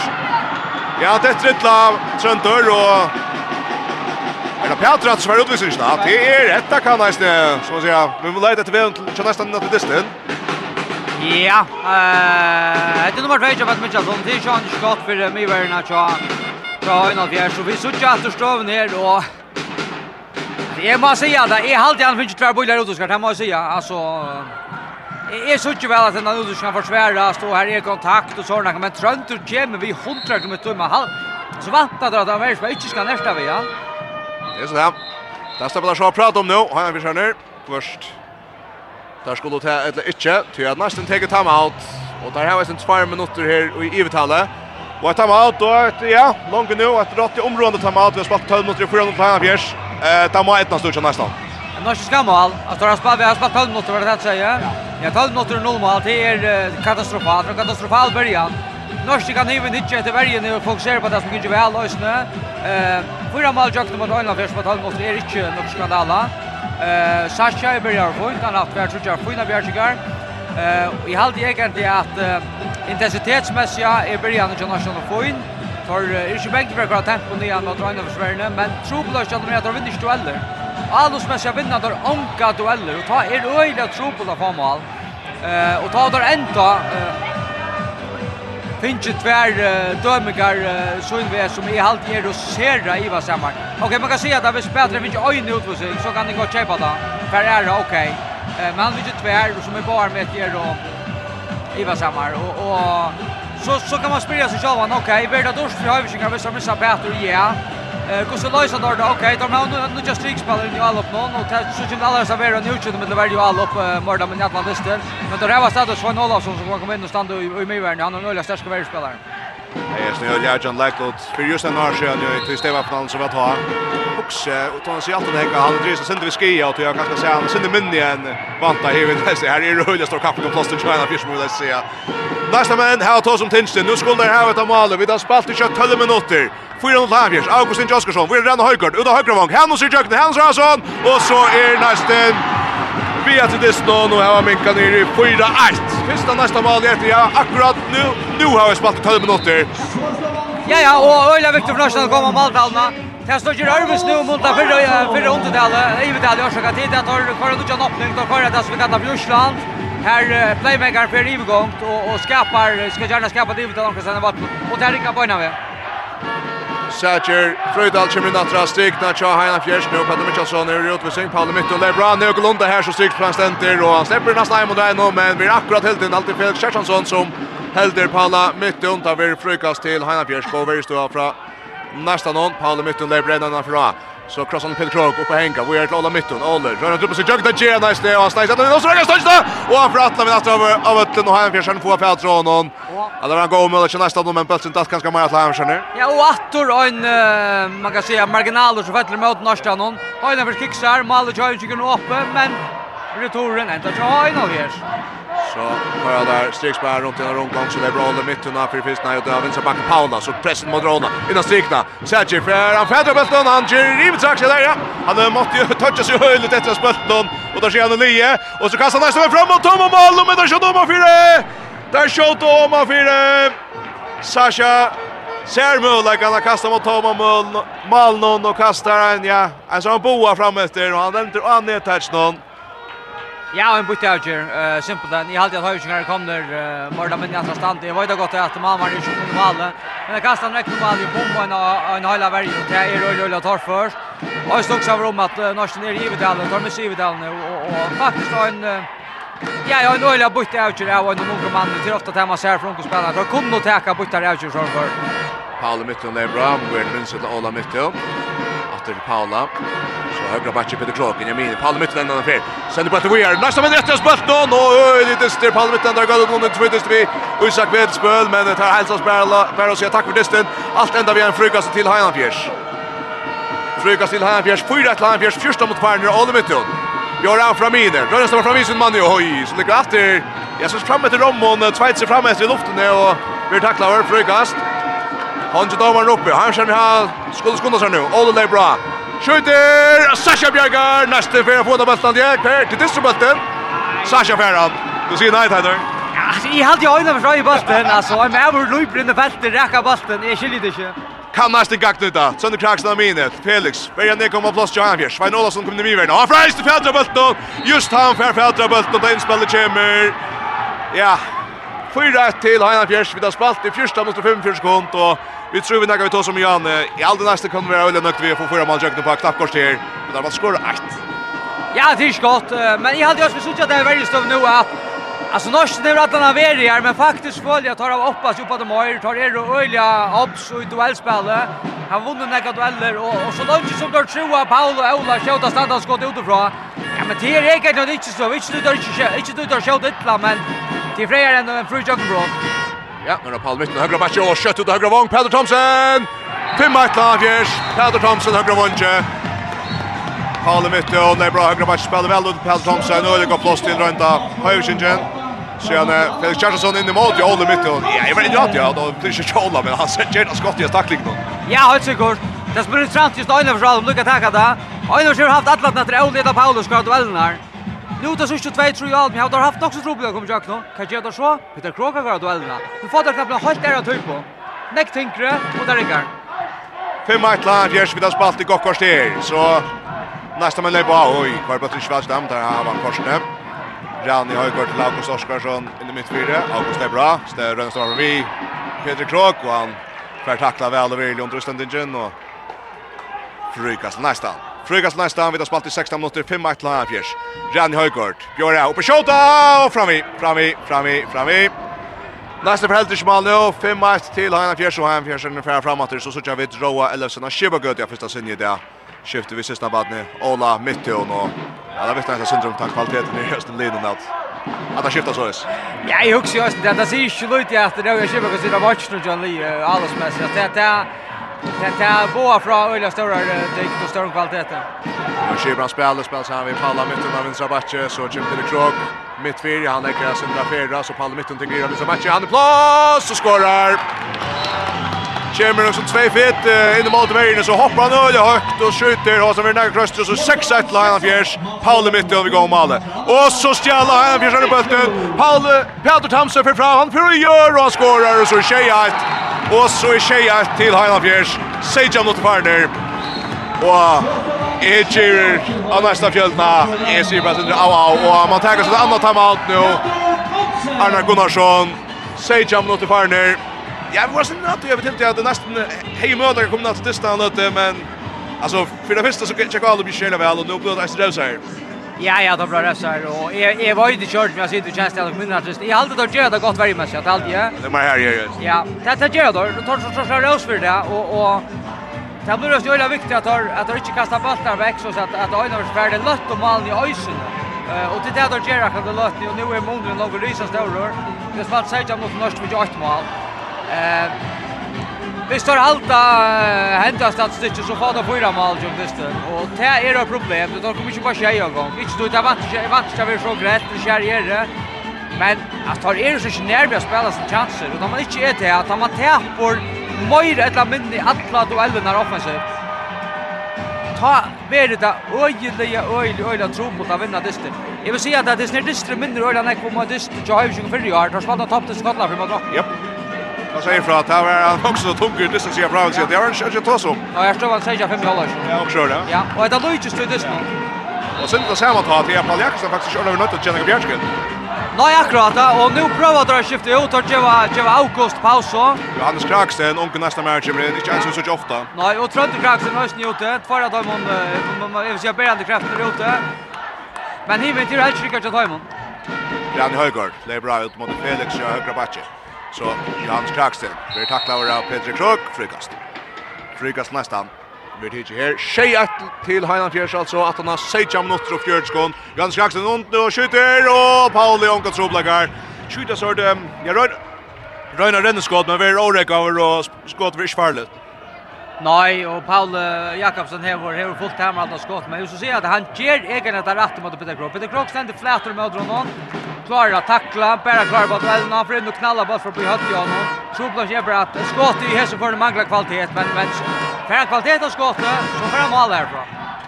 Blåa skiva gode det för här vi ser för mot vänster till Palla mitten. Så det högra backen Peter Krok. Peter in i mål. Sen blir och så är 8-1 till Heinolf Fjärs. 8-1 till Heinolf Fjärs. Och nästan det är bra. Gianni Højgaard, ber mot högre. Vi är till Felix Kjarshansson. Och så tägar där Ferina bulten om nästa män. Ja, Det rör nu att du tittar Finn Jordan nu så här som maskinen att ta i gottla fyra. ja. Det finns att toppdysten så väl jag är. Eh kan kan huxa man kan huxa man som nästa dagar nu. Oha, det går oss på nu. Kus kus i mig kus helt mot uppe. Ja, eh Jag var ju hur ska svära där. Det är rullar ringt. Kvar kan ju titta så man sitter bara och gör inte det. Ja, vet du, det som hänt i Gotlandbjäck är det att... ja. Nu missar det bara status. Spyr Pell Thompson i fritt shot-lopp. Han rattlar vägen och så bjärgar Sasha Lachok. Och returen för ett läppe till Hajanbjärs. Han stöcker mot Lofter och inkast Hajanbjärs vi kan lukka taka der, så svendur gott la fyrir føli og Sintur her, sjálvan det vit opp bakom sattallar, så gera vi, men føli eisini at høyna var stakkar og Sintur av bremsna, kjensla vera vi så vildu vunnu við 15 eller 16 eller så gjør det då tre av det nona, men sjálvan det, Det er avspeklar øysni at, at vi hit ta, og norsen det er helt ikke ordentlig rekkar toppnivå, ja? Da så vi det som helt annan mån. Når det får det er skjedd, det er inn i slatter, det er just det mer avhåverst, vil jeg si. Men hetta vil altså så är just på ein dag. Vi har støva finalen här. Alltså så 8-1 efter knappar 20 minuter för minutter før halvleik. Paul mitt är bra för Havjers. Jag lyser på sig. Innan stigna Pedro Fritz Pedro och nästa fär Pedro bulten. Han och Sara Sarason har bulten och där släpper sig shot på första sinne. Skulle kanske helt inte där skulle kanske mest som Blåsen tittar vi bulten. Jag men ja, så kör Finnur Hansson in och det hade faktiskt en super edge så stund. Ja, är faktiskt samt då. Eh Finner har inte haft några super cup kvar helt i fjör. Det är inte så like Luton. Men han har provat där alltså 3-2 för för. Skiva spela, Rani Höjkar med sin högre linje, Johannes Kraksen med sin vänstra linje. Så Finner här. Johannes, så Finner. Kevin Monster Jimmy. Så innan stig, det pura frut, nei, så er det tre stivet sak. Og jeg er for det at jeg faktisk finner løsten av strykene, men uh, ja, ja, ja, det er... Uh, vi tar oss om det, alt skulle etnast og alt missetnast i rønd og vere. Og så vreda Revsa Hinevein, og så Nudja, et Peter Krog, brennskott i høyre batje. Jeg årsaker med Nordstern, jeg ble sint der, jeg vet ikke, det er sint sint. Jeg vet ikke om du er øtter man sier så, det er sint sint faktisk. Ja, jeg er samtår. Kjenner du Murphys Law? Ja, alltså kan gå galt, blir gå galt. Det gör det nästan nu. Ja, faktiskt ja.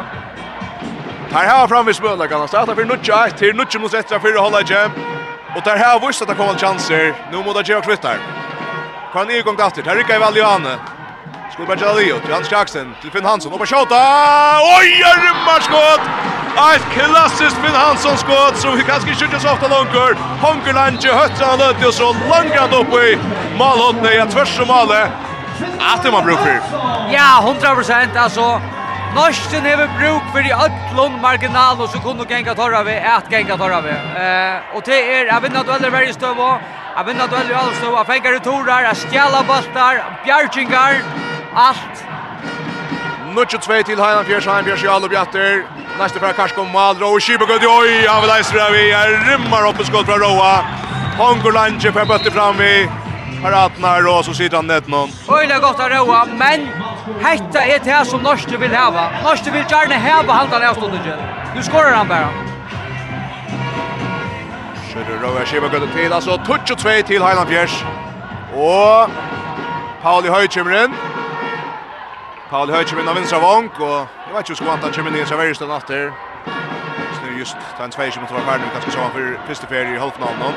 Jans Kraksten, vi er Finn Hansson, Finn Bjøra Sendrea, vi er Johannes. Ikke ordentlig av Evertjøkken i høyre, røyne at neste menn.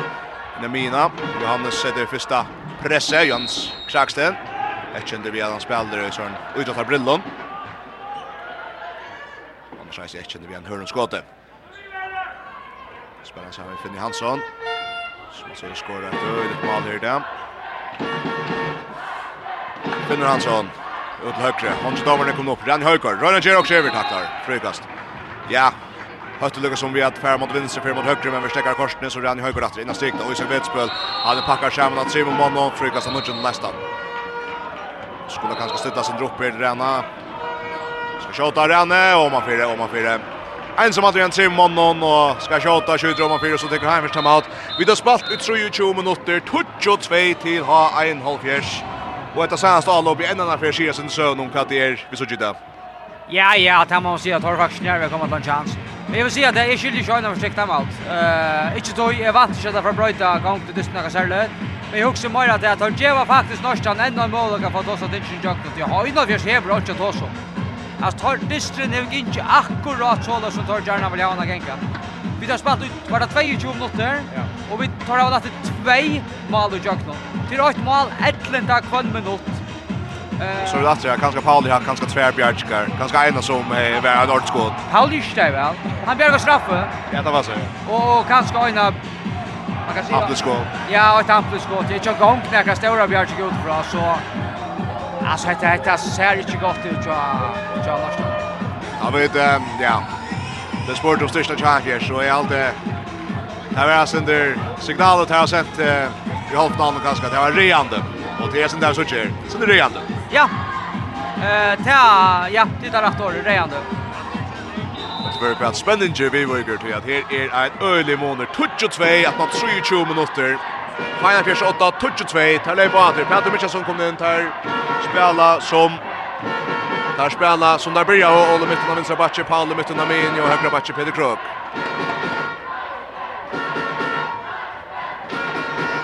Olle mitten och Paul spelar samman så där spelar bara Peter Krog som är fair mitt för det. Det är så långt till och för nete. Han kör fair mitt för så Boet kan förända hast och han langar bra till och skorar.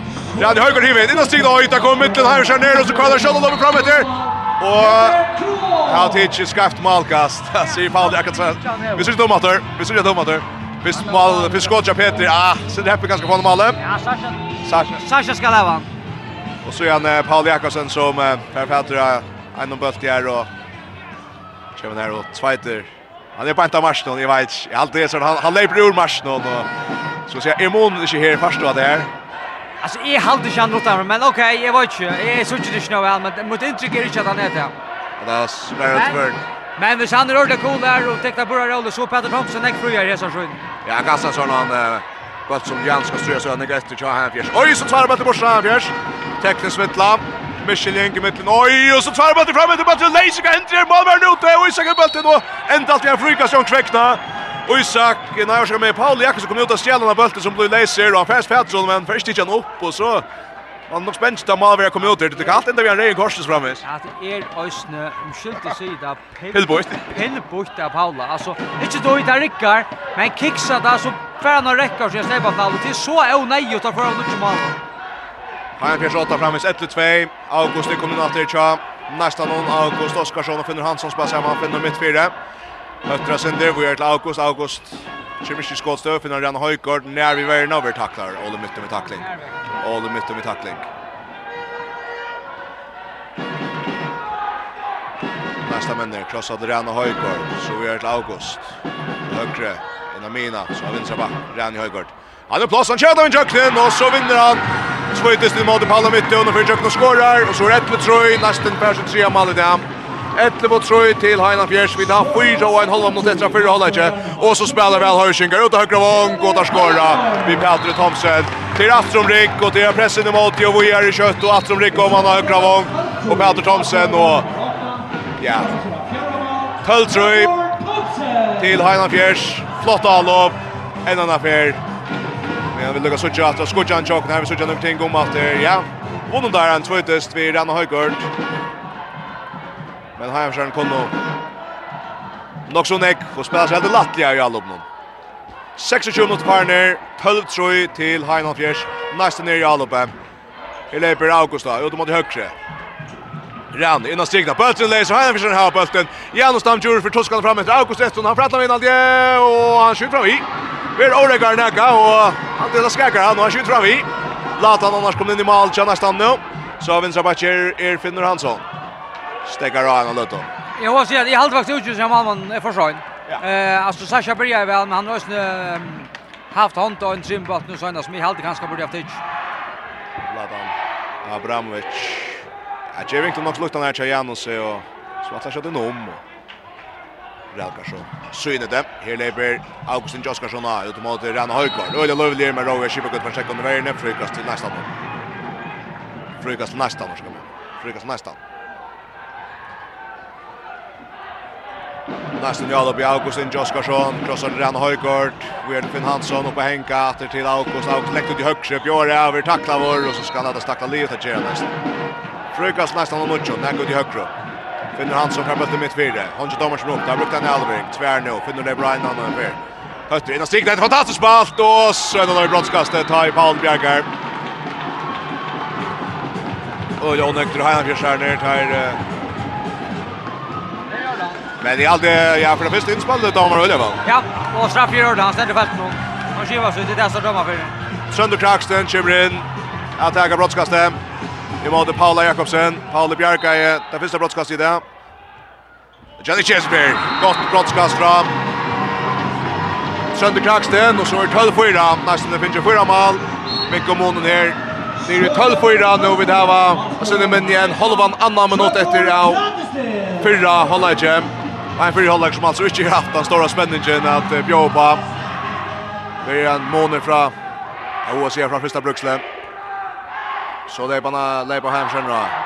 Så kommer det fram vi Palla Höj och Orek var inte. Nej, Karl jag snackar bara här.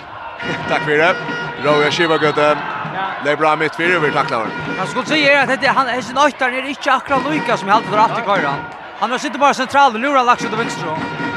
Så för Roa här vi är till Peter Krog, men Leiser och ända till Heinan Fjärs så att nästa men halvt när han skjuter det smullaga.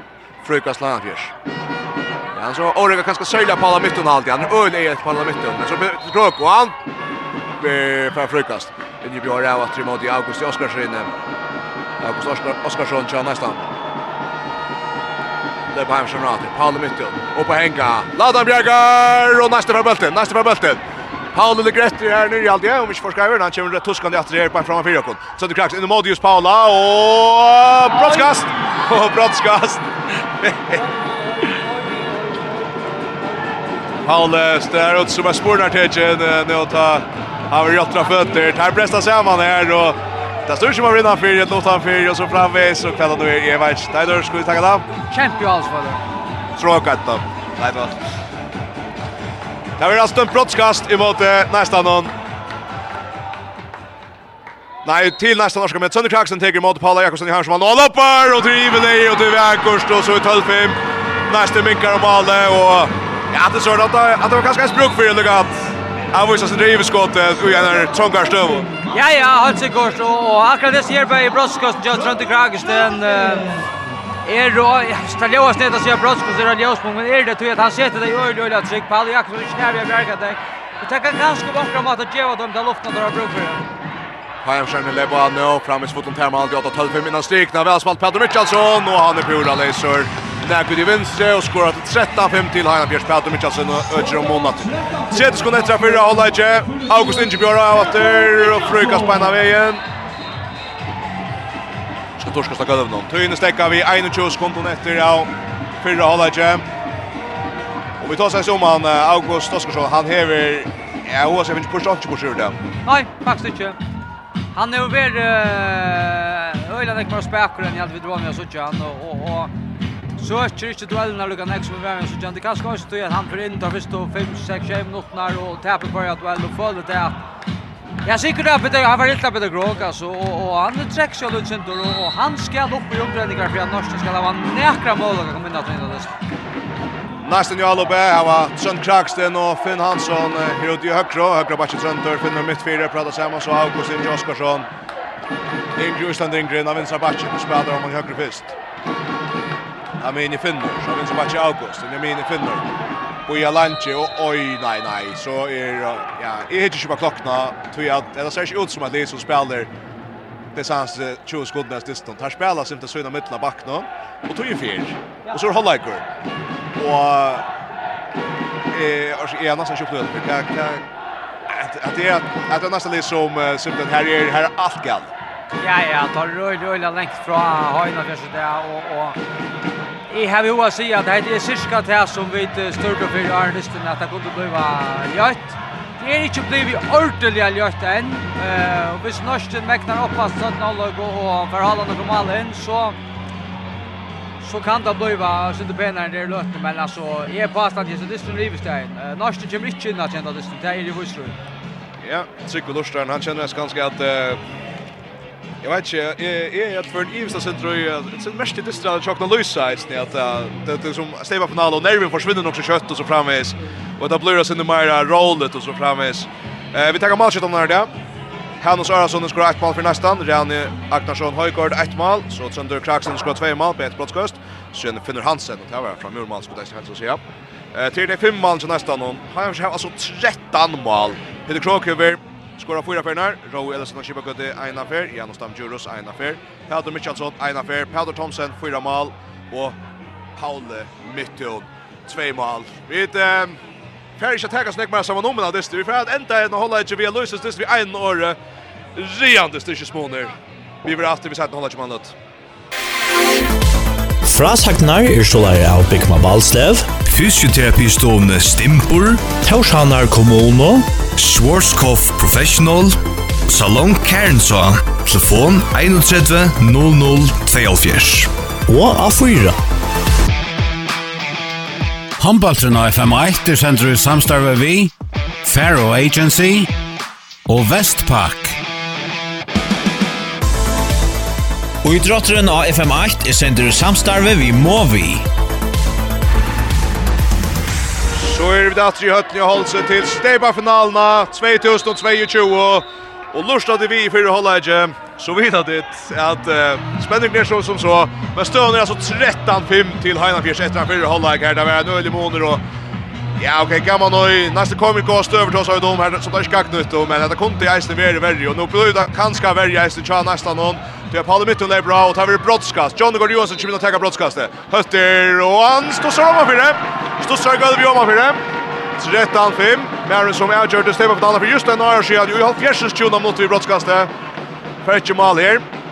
Ja, 13-5 till Heiland Fjärs. det heter. Ja, det skjer det at Einar ser rann jag bättre, men Espen Glerius på hva skjer kanske vi att skifta straffen så till knappt. Peter Domsen skårer jo eller tryckte på den første straffe. Det er ikke han så fäkta her. Og man vill hva mannen så släcker vi in ju det snart kallt mannen när så Broska, så han brenner ikke av det altså. Jeg skiljer det ikke. Nu er det ute i kanskje man långt blir hukk som bretten av at skulle ha stått så här. Ja, det vill skrolla ut sin dörr. Jeg var ikke arrogant, det er det rett året, kanskje. Jeg var ikke, altså, jeg må jo ikke ringt, vet du. Jeg skiljer det bare, Kjørgen. Och han är faktiskt nästan här hur spelar sig en stöd som tar en dam och så väl August Chemis så flickvande kanske näka ut i höger och skjuter tvärs i målet men att det är han Det ser så lätt ut på Paul Jakobsen och Bjarka och nästa fresh mål. Det råkar också Paul Jakobsen dammar här så stönar han också. Ja, det är mest rött lösiger. 13-5 till Heinan Fjärs vid och og ja, nästan 2 minuter nu och av Sætna Hollage, och så är det lite dysten strik, det blir mycket som Per Bölte korsen här. her, er för en kort, kommer fötter efter och fekkan, och så blir han taklet efter frykast till Heinan Fjärs. Och det vet jag, han släpper in i tömt öge faktiskt. Man hade mycket sprackra fotot så här för Kalle Bøtli. Halli Høy ut jätter och arkar i så här. Mest för Mattvägen och nästan någon. Och så får han Kalle Bøtli kör Paule. Kör back efter så kallar kör fram ett nej så tvärar Bøtli bort nästa men. Och blir det Lucas där tar stöd och nästa ska häva och så manglar det sista. Han är allt, allt i världen för spänt Alltså han är så spänt att knalla bollen fram.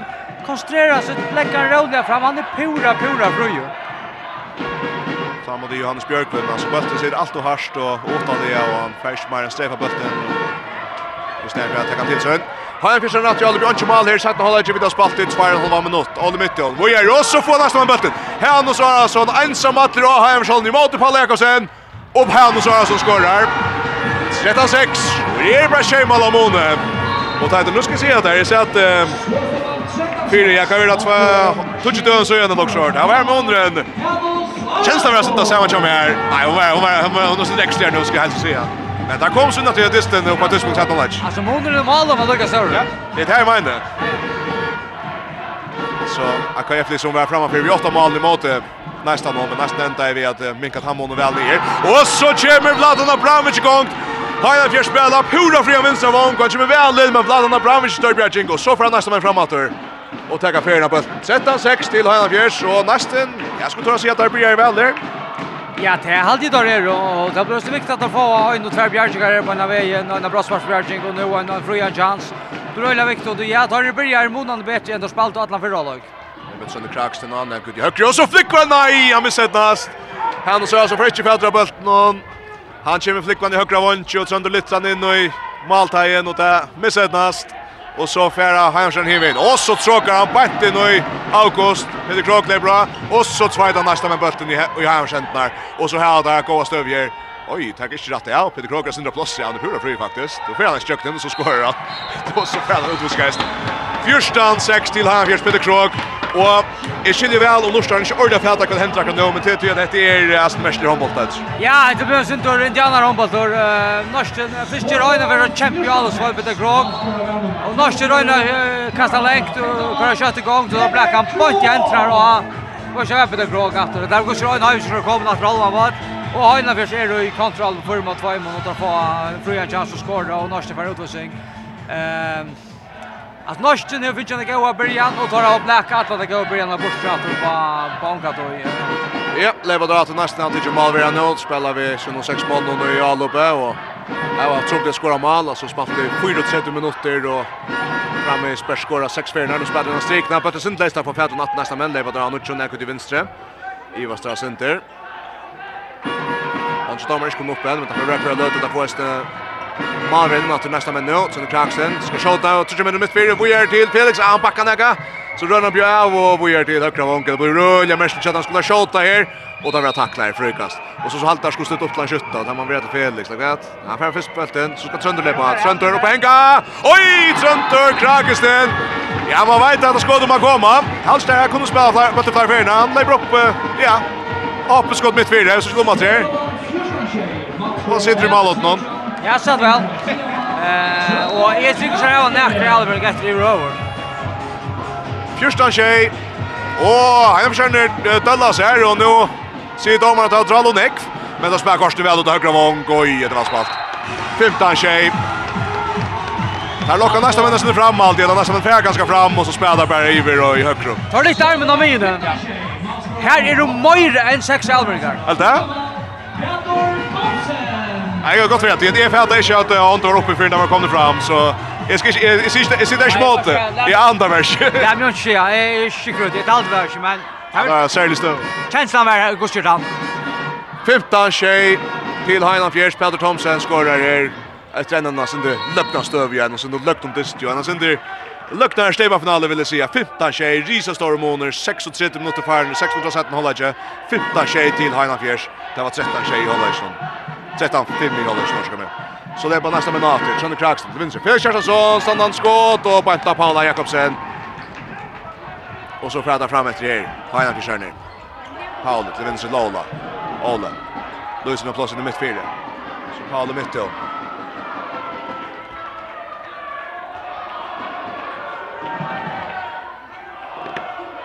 Ja, Hajna till Kjärner. Skjutas en drill. Svein Rolasson för ut i Almstöv och Inchimmer. Peter Mikkelsson.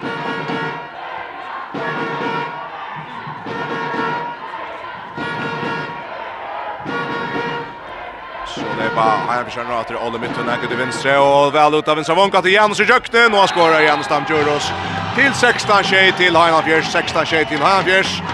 Olle Mittun, det är bra vänstra batche, man Etcha lägger till sön och så lägger han där som han inte lägger här, Bersen Hajan Fjärsare. 16, tjej til Heinolf Fjers. Næsten vi aldri bjatter, Sander Kraksten, vi er til August Inga. Og så er bøtten leiser, og næsten med foran, og så kommer Størbjerg av Palle Jakobsen. Og Isak Vetspel skjelder bøtten i en strikning, tar han bøtten leiser, men Palle Jakobsen med Størbjerg. Palle, med, Palle mitt og næk ut i høyre. Og gjør senter, og så til venstre til. Broren Ola, så över in lite stäcka i vart det är där skulle kan om allt det gjort han vi är ända till rum. Shay minutter och fjärde sekund färden av Sättna hålla inte här i faxe kom Stepa finalen 2022 och här är alltså 16 tjej till Heinald Fjärs en öjlig månader och jag vet inte Här spelar Eisen vid han som in i alla töjna och så kör det ut att släppa handbremsen ja, så vi kanske var inne att börja börjar vi. Han skulle helst köra, Tar skulle köra inte snä pura, pura, pura, pura, Ja, ganska Oxtar Hon har pratat om Arne Stem Stöden skulle komma vidare Och nu ser det ut till att värjan tjär nästan kvar väl Där får tackla om att vinna bulten men där vill fryka stanna fjärs Paula mytte under bra. Klossar Lola. Och vi möter högt så att Paula vinner med igen. Paula undan strikna på till Laser och nästa päran. Och Isak vet spel halvdelen som vattrar bulten bort den strikna, nu ända till Paula Höj. Så lepa Nästa minut, August, han är plås och frukast i Angelo Nekveta. Ja, och jag spekulerar ju bara om, om att han gång är frukast alltså. Men det gick inte om att men han ger ju ötlund för Nekveta, han kan så omkant vara mal för att Det är bra, vinstra back ut där sjön mot Palomittum där då. Det är frukast nästan. 16, 20 til Hainan Fjers. Nutjum notifierner av 17 holdet ikke, vi faktisk kom stepa stedet finalen. Så det blir August Intjuk og skjuter blokket for Heimskjøren i loftavbølten. Det er blokkas oppeskott noen fra næsta batch noen og loftavbølten tar han dette nere loftet. Og så lever Palle midten av, ut til Ola midten av vinstra batch. Han er Lutzen av plass her etter og her skal brottskast eia. Ja, Ja, Ola midten, han er rødt av jøkkenbrotten nok så ofte og kanskje, kanskje kjennes det, kanskje ikke finnes sånn i borsjur som vi nok til suttja, men Här ska han ska inte ha en plats så för han jöknar. Alltså Oldi har inte varit så isen tror vi han skjuter ran mål. Men stadig gjør han noe han ikke tenker rødt, og at hans rapista trusht er så utrolig effektiv. Det er ikke han tresker atlana av en annan det var, men så blir det bedre blåst linjer. Peder Thomsen kommer til å tenke brottskastet, og han skårer. Stossar, men helt der, ja. Nästan flöjda bulten till Gullnon. Under beinet tja Ladan Abramovic nästa Malnon. Mittlen bein i Röndevero. Sejan Shea, Malneren är kom upp på touch mål här. Nu vet här var när 20 och 30 och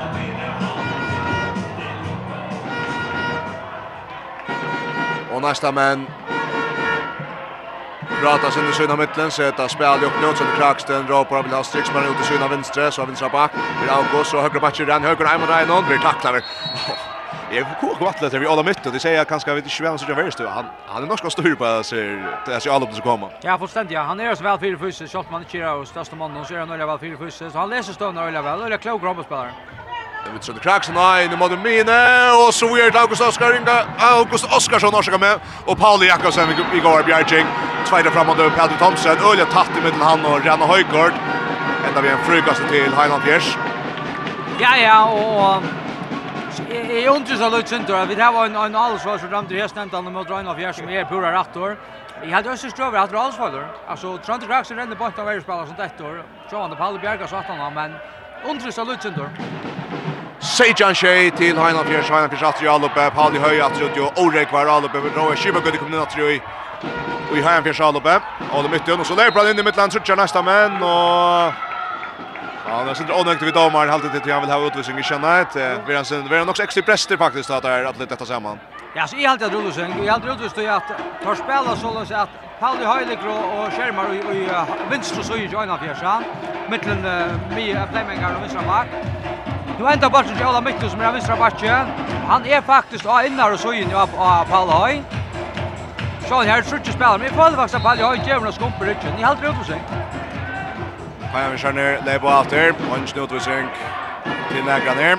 Råe, eller sen Edersen, Götte, pratar vi sista batten i Ola, mitt mittuna, vinstra matcher, så flyr det mot högre, Peter Krok, det är bra, Bötter vi vassare, Borster efter inspel, och så fänger det åter han, vi kör nu, Rönner högre, släpper kök till Fiske Jätlevo, Kora press in mot Mini, kommer nästa, men lite något så högt upp på backen Champions, Ola mitt under så har mitt fyra, Luisland plats i Atrumse, till Peter Krok, han plås och sväcknad, Rowe Kibagöte, han kommer kökten, oj, han framväg gästen. Atra sinnet här, Det har tidigt som att här Roma blåst täcka er, men uh, där får akra bötten visser. Ja, ja, där bakar bara tusen rörs under häpner i Sarstovne. Sälja till att de missar backspalten men får en läsa bara slicka galen och nå. Norsta vill jag se det så lite synder och tog eh och tog händer så bara ver ver mist mycket tog tar fast att väck. Kom att romma att men det som de missar då ändrar egentligen det vi har kostat dem att ta i Hajna för spelare Tonnar. Och och vi söker bara att tar er och Hajsingen er då fullständiga kvinnor som i alla fall lite att spela. Men inte nästan någon tonna. Och och det hände för att han var en liten vajlor där var refsar och det är kanske och hesa värda Peter Krok som har gjort det viktigaste pressen kanske men annars är det öliga typiskt tar bara mitt och så gör det och och roa han inne ja. Eh tog tar er då så rävla knappar på fötterna att att ständra lagar och skaft så vill det refsa på av.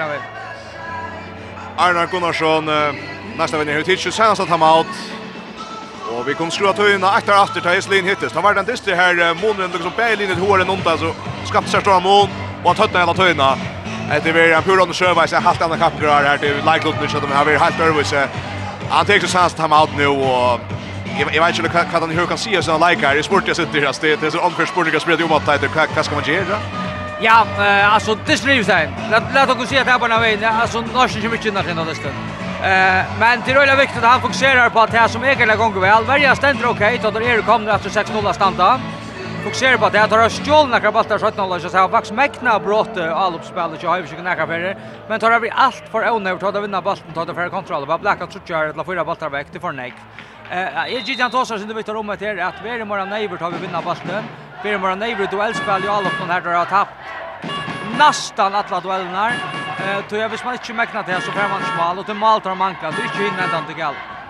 Adjan Shea til Heinan Fjers vid spalt 12 minutter av 17 holdet ikke her og i Faxe kom til Steipa-finalen 2022. Steipa, ja, er vi alla vet til Høyvukar. Hadde vi kun sida, og nu burde han nesten verja alt det, og Rowe Kibakon Sveit setter spalt noen, og han vinner bulten. Han kommer i mitten Samma spel här av backen och nästan någon och så frädar tvåtande bäge Roe och han för Sjöni och August så det om att det och ja faktiskt alltid Iceland Roe är till August men det vi slå han ta sista Petty ut. Och att det är synd att jag hade alltså tätt stöd när där för så han för vägen jag han för. Ja, och Jontros nu går så pass över August här. Han är flyr för ständran för jammet man har varit ständ flot. Han provar kvarts på att jag av att skjuta. Eh, tätt tätt hittar smar löj. heter inte han August med jag säger att man vet. som jag tar som är till Neko Abertsen Rasmus Söbel blev skattad så vi till att han är han som bjöd är mest av och så framme så är vi lite nästa lige han har vinner i stämma finalen Herbjörn Lave kommer in av första sinne i det. Og han vinner faktisk bulten her i Veirstøvet, tar han for en leppa, og slipper ikke alle kjøtt i alle per. Neste menn kommer til Erja til å. August natter mot Rau i Hamsjallabnon, så Felix, en mot Reino, og han slipper ikke for her, så etter til August. August skjuter og vi taktar frukast. Jeg skiljer, så standa inne i 8 meter. Peter Krog stender av 6 meter på gjerdet får ikke prøve å knalla bort forbi høtt honom. At han klarer ikke å spille kjøkken lykke av alt. Det hadde vært. Ja, så kan man skåra. Det har rødt av kafferen her, och ett skal han vi finne Hansen og Sønder Kraksten igen tveim för og vi, vi går, går då. Man kan jo også ganske mørse knapp på skottene.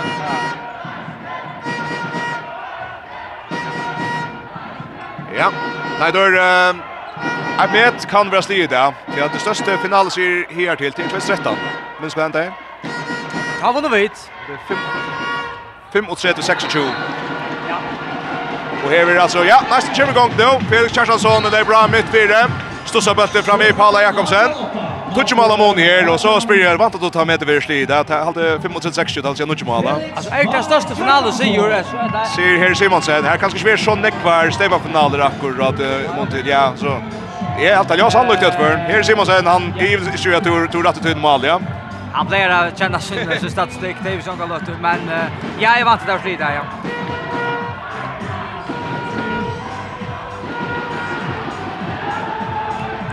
Här ser vi oj nej nej nej nej nu nästa män vinna bulten i Bergstöve och så frädar fram i Almstöve och så kommer Olle Mittun och också vägnar stjäla bulten ur handen av nästa man och så får han fram och skorar ett Ja, han simpelthen stjäler bulten ta Pauli Høyre, inte inte hans efter allt det och så får han bara fram och skorar. nu är han åtta. Och är det faktiskt som man blir nästan irriterad över nu i mån till han vi vidare fingers. Vi vantar ganska att det kunde bli en stor måne men såna stöver det helt galet. Ja, det är en god mynd på dysten. Alltså, jag det är redan blacka balta veckor. Det är en öliga god mynd på. Ja, det Jerry Annie Högberg just nu om Lorstein i Vajs. Det är nästan två bästa borsatter och han ska framåt. Det är framför ett fyra nu, vet jag. Ja, och jag får lukka vänta att de tar med. Alltså, har vi inte kunnat tacka med till det vi ska välja? Vi ska välja, bra. Det har vi kört affärer skift ut. Ni har alltid här syntes spalt i så mycket heten så att se att att höra Svein Olsson vinner några för några och eller så skivar det in några för några så att vi utvisning om kanske där lucka skift. Ja, han skar det sitt klar nu han för att komma in och i med vad Arge som spela så så touchdown mot när. Heather Thomsen, oj, gott vankmål från högra vånche. Och det är inte kont här, det går ötlen plats som här skär ner. Spuckskott från högra vånche, Honko Langen. Och så, ja, necklar han bulten uppe i målhållningen. 28 och nästa skiftet man vi i åter och alltid är det att han känner färra skifta så spräckligt ut nu. Han skar Hansen kommer in. Ehm um, att eh Erspa Servi och så framvis att han är mest vinnande läkare i Sönder Chao Hein Fjärs. Vi är vi öde Lange. Sjuka gammal. Oj, så tvåla nästan bulten bortsatt. Och det mycket för framåt. Han är helt ung Och han får jökt ner och han skorrar till 1-28. Er total upplöst, tja nästan någon. Nu tvailar bulten borster, nästan avbruk. Sett han Lutzen på spel och tar vi lösa beina vägen och han känner alltså det är alltså pura iron av det. Fullständigt ja. Eh alltså är det faktiskt imponerar av hur väl har vi spela och så chockerar av hur sitt han har spelat. 1-28 til Heinolf Jers. Vi har spalt i 16 minuter och 45 sekund. 16 minutter og 45 sekund av hålla halvleidje. Vi tar fram med knappar 14 minutter etter, 13 nu efter etter Avesner. och så försöker Kraks upp i skjuter, och måte målet med Paul Jakobsen ner där som har skott och Tisch ikke skulle toucha seg selv lektet og spølt noen i rundt og vero. 1-28 og Heimskjern tar skita nesten bare og ja, skal vi si at her nesten for holdt godt ball kjasser, steva ball kjasser ut i bunchen. Ja, det här var då snett grund till Det är Jag var ikke godskjøft jag sagt jag hade sagt att han tog. Ja, vi så. Det er snett Men nu kör där Bo Hansen in ner och högra vank och och vi står inte med över nummer 3 och Jon Skalo Willem hade den. Jon Willem centralt bestånd jobben. Rowe eller så Schäfer går in och strikna Pedro Mitchell som vänster och är broadcast, det broadcast. Ja, nu John Vincent vång är nice nu. Så spår spännande då sätter unga man att attacka på. Ja, går jag där. Pedro Chirin. Ja. Nej, jag hade Jag hade också gått stödor. Hittar syndra på motståndaren och tisch nej, utan inte grundplan. Pedro Thomsen, han är snö Her er det sånt det og nok så fast och gjett Ølja, ja, som är den mest vinnande lägaren i förra søv här det tillsammans gjør vi Heina fjärs Så en av att nere, någon som är vid dansen, tar jag ger ju alt det der, så mycket i förna nå. Nu rör han sig av brottskastlinjen mot Sasha Lachok. Han skorar tryck Peder Thomsen. Hur är den läsare resten och hade jag så ser ut alltså han gör på sjur alltså den han är ölen nöktig vid att skora här och alltså Glaze Row 2-28 det är alltså liksom blue vi att ta ta tar slapp i Han har åtta mål, han toppskör rusten det och är halte hvis jeg minnes rett at det er på noe avstånd. Han brente jo kontroll for Rollersen. Det er Øyla Gaustad stykker som bæter spatt. Han Øyla flott av finalen. Han hever ganske ikke så nekka minutter etter ut det at Bøy Hansen kom inn av høyre vong. Felix Kjartansson, oh, han er godt plås. han kommer til å innjøkne, men Pauli Jakobsen Bjergar, Pauli Jakobsen Bjergar, han skal han sender fram til Svein Ålasson, han trippler fram igen. mannen som kommer en innjøkne, Nå så Bjergar Sasha Lachok. Sasha Bjergar, Sasha Bjergar. 22-8 til Heinan Fjers Frammes, men nesten ferna Bjergjeng og første ferie. Oj, så vi Felix Kjerstasen på skjøta. Han faktisk har fraskott fra Felix, det nok som lumst. Og jeg, men da nok som helst, han svefer kom gå og stå vinst og bært. Han spiller nesten bare høyre bakken og tar Rasmus og Fjern, men uh, han hever også. Og med nesten rett, så han er tvist trøyer, og unge med avreisende. Og han sier talent. Ja, ja, og at det er beste rundt vi tar å se av vinst og bært, det er jo John Arstrand, det er alltid. Och jag vet inte om det här som Simon Olsen inte hållit igen nu. En bjärging från nästa någon och ett fint skott av vänstra backen. Nu tänker han ta out. 22 nutje til Heinald Fjers. Vi kunne lägga tru vid målskyttan här. Nästen. Här var skorat så är Hans Arason 2 mål. Rane Agnarsson Höjgård 1 mål. Trönder Jonsson Kröksen 3 mål. Felix Maur Kjersansson 2 mål. Finner Hansson 1 mål. Peter Thomsen hever skorat 8 mål för Heinald Fjers. Paul mitten 2. Petter Mikkelsson 8, Jens Damgjurus 2, Roe Schibagøde 2, Ole Mittjø 2 og Seie Petter Krog 5 meisne. Vi bor jo sinne klokk ned her, at det som lever. Ja, nei, altså, jeg heldig stedet med Dravars, det er ikke størst noen, men tro på det ikke det ser et at det er ikke spenning, og det er alltid kjedelig, man ikke rett at man sitter og, og varsper ut at det skal bli spennende, du tar gjerne ikke nemmere bare ut, men... Det er nok så strevet faktisk å se det etter, men Ja, är samt vet där. Men och där kunde vi bara bara köra vår och och klappa för tog fantastiska average som har vi skickar ha ha fram. Ja, halt jag det är åtta mest överbussande average i har sett och i mun och löve i första hand att just han har spårat nej jag sett mig James spelar det det nästa år så då kan man spekulera på att om jag jag hade SV där jag man nästan känner lukten det ser ju i den final ja.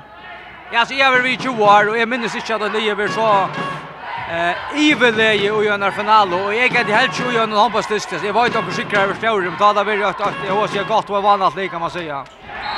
Boy Hansen Fyrir jökna høgra vangi tja Heinar Fjers og upp i 3 og 20 og 20 til Heinan Fjers. 3 och 20 och till Heinald Fjärs. Och han äldre bara fram i Stäfes att här vi ser det är en, en riande, en riande månader av stöden. Vi tar inte snack med den här 2002, nej jag säger 2002 Argentin till Heinald Fjärs. Alltså det är bara vilt som den Argentin går. Boy Hansen är så på här. Pauli Høy, eisne, 2-2-ere, men fyrir nestan, og fralukt vongmål av Vinsa Vonge fra Pauli Høy. Pauli Høy. Och så kan man säga tyvärr har nästan ganska många att ha mannen av står på kapprar om vi än ska ja. Så ja, det är så dumma här. Ja. Maestro Rosa nästan för det som smettas. Att det han träffar allt mål där. Ja, det gå på all. Halte boje blir det Lucien Bassi som som väljer vångar här. Han pjörs sig bak upp. Ska pressa ju vad det kan vara inte då att ha en av sig kontroll då. Ole Mytton. Lever jag kan grabbatche. Vi tacklar vår och fär en nästa man utvistan och brottskast till Heinan Pjörs. Brottskast sin han fjärs Peter Thomsen kommer in att uh, röjna döds så en likelot som dagsens toppskytte. Han är körde hötter Peter Kroke tatta sån i fem mål och Peter Peter Thomsen skora åtta färnar. Eh uh, toppskytte kör nästan i Trönder krax med tre mål. Peter Thomsen Röns i brottskast mot Sasha Lachok. Och Peter Thomsen skorar väl. Och efter Öjliga samförande Gleisrov på Så framvis. Imponerande. Och jag nökter. Och det är alltså att han slår som ja, det tvekte ganska stor stable in det senaste åren. Nästan ner sen tre finaler på fyra år och han fjärs runt vidare samma men det är så tror det senaste beslä. Och för att så vinna för tre för det. Och som Bajsko säkert vid locknar så framvis och ser också över gästen ja. Det är Roger Haldansen som kommer ner också, ja. Ja, Roger Haldansen. I know. ja, 2004 Argens någon. Och det er här Rygga som ska spela EM enda spel i sommar. Åh, men så är det, aj när jag finner han som regger stundstedt OFP för alla vägen och så kastar de in en dant ut av Anga via nesten. Och är det Ardam som kommer in i kvisje till själv sjølvan, ska han eisja maltall ut, det blir han og Jerry finalen. Eh, så då finner han så att han finner att Laverna som hon är och så lyfter han Så Sanchna. Så dam, han man lärska sånt malen nu bästa det i Arna så. va? Alltid, alltså tre när den reklan kom vi 6-6 och alltid han är en av de helt onalig och faktiskt om vi rör nu ska så kör vi mer av första handboll men det blir. Han är röjda går till här så att spela när kasta bollen och räkna mål ju tack mål. Trønder är er en affær i en finale til ta nej. Ja, ta är smått nesten noen tatt, man vet kvar i ta tatt, 3-4. Ta, ta säger han hej per dist, hei, han frutspel inte intla kiksei, han sabber shot, intla kiksei, akkurat Axel han vilt. Hvis vi gjerne oss ikke, och han är en god av Ja, nästa minns att alltså bulten åter. Han spelar all upp. Han fiskar 8 5 och 20. Tucho. Och vi tar spalt ut 22 mot att sätta hålla 8 mot 1. 5 och 20 Tucho. Och så spelar Hamskärne väl och då vinner Vong, John Willem i jöknen och han skorar sitt första mål. 26-11. Hatter är som är rich brother. Han skorar det var mål. Ikke vaksen håndboll. Nei, nei, vaksen håndboll. Det var bra brødre for. Det har de fleste jeg som skulle helt til å si. Faktisk eisen neste menn er alltid.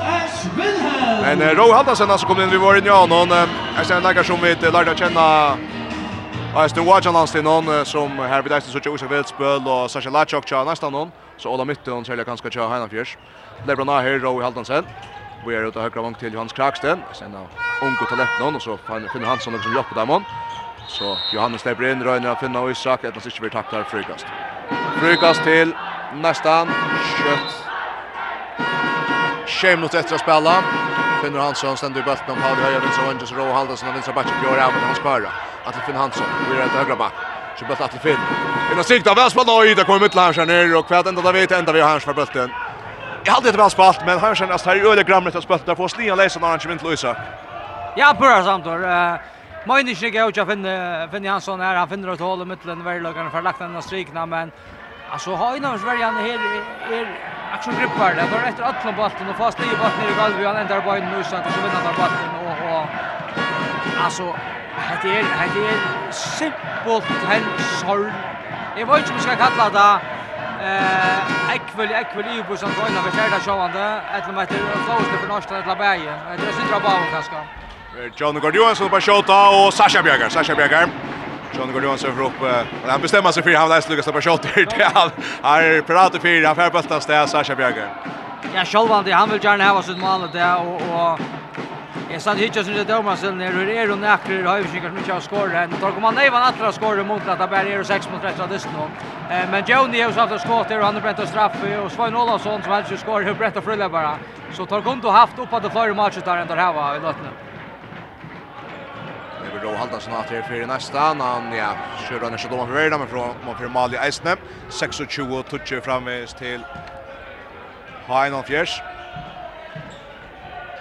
Och tar spelar vi högra vång på i Hansen. Nu har han stönsta och avers i här vinstbacken ja, han Fjärs John Gordon Johansson olja.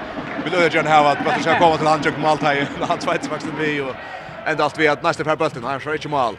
Nästa ner bulter Roe Haldansen och så vi utvisning till Sager Frydal. Sager Frydal.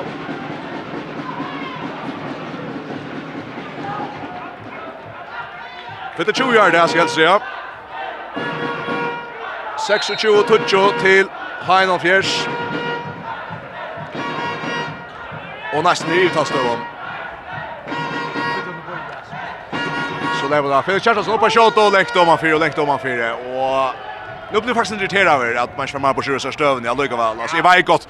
Alltså show on du hill du alltså du du är shown the döber hur och Du er slett å spille handboll så framvis men jag vill han man lucka Jim Shawmark her. Jeg vet ikke om det öppnar mer.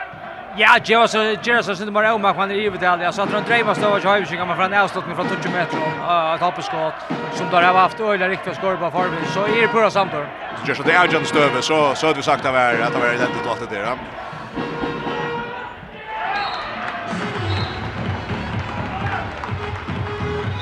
Det är alltså Esper Hansson som är otroligt god och Shiva Gudde från vinstra backe bryter jökten och skorrar till tjej och tjotutsch. Och nu huxar Johnny att ah, hur spalt jag här som var Han är pura, pura fröjor.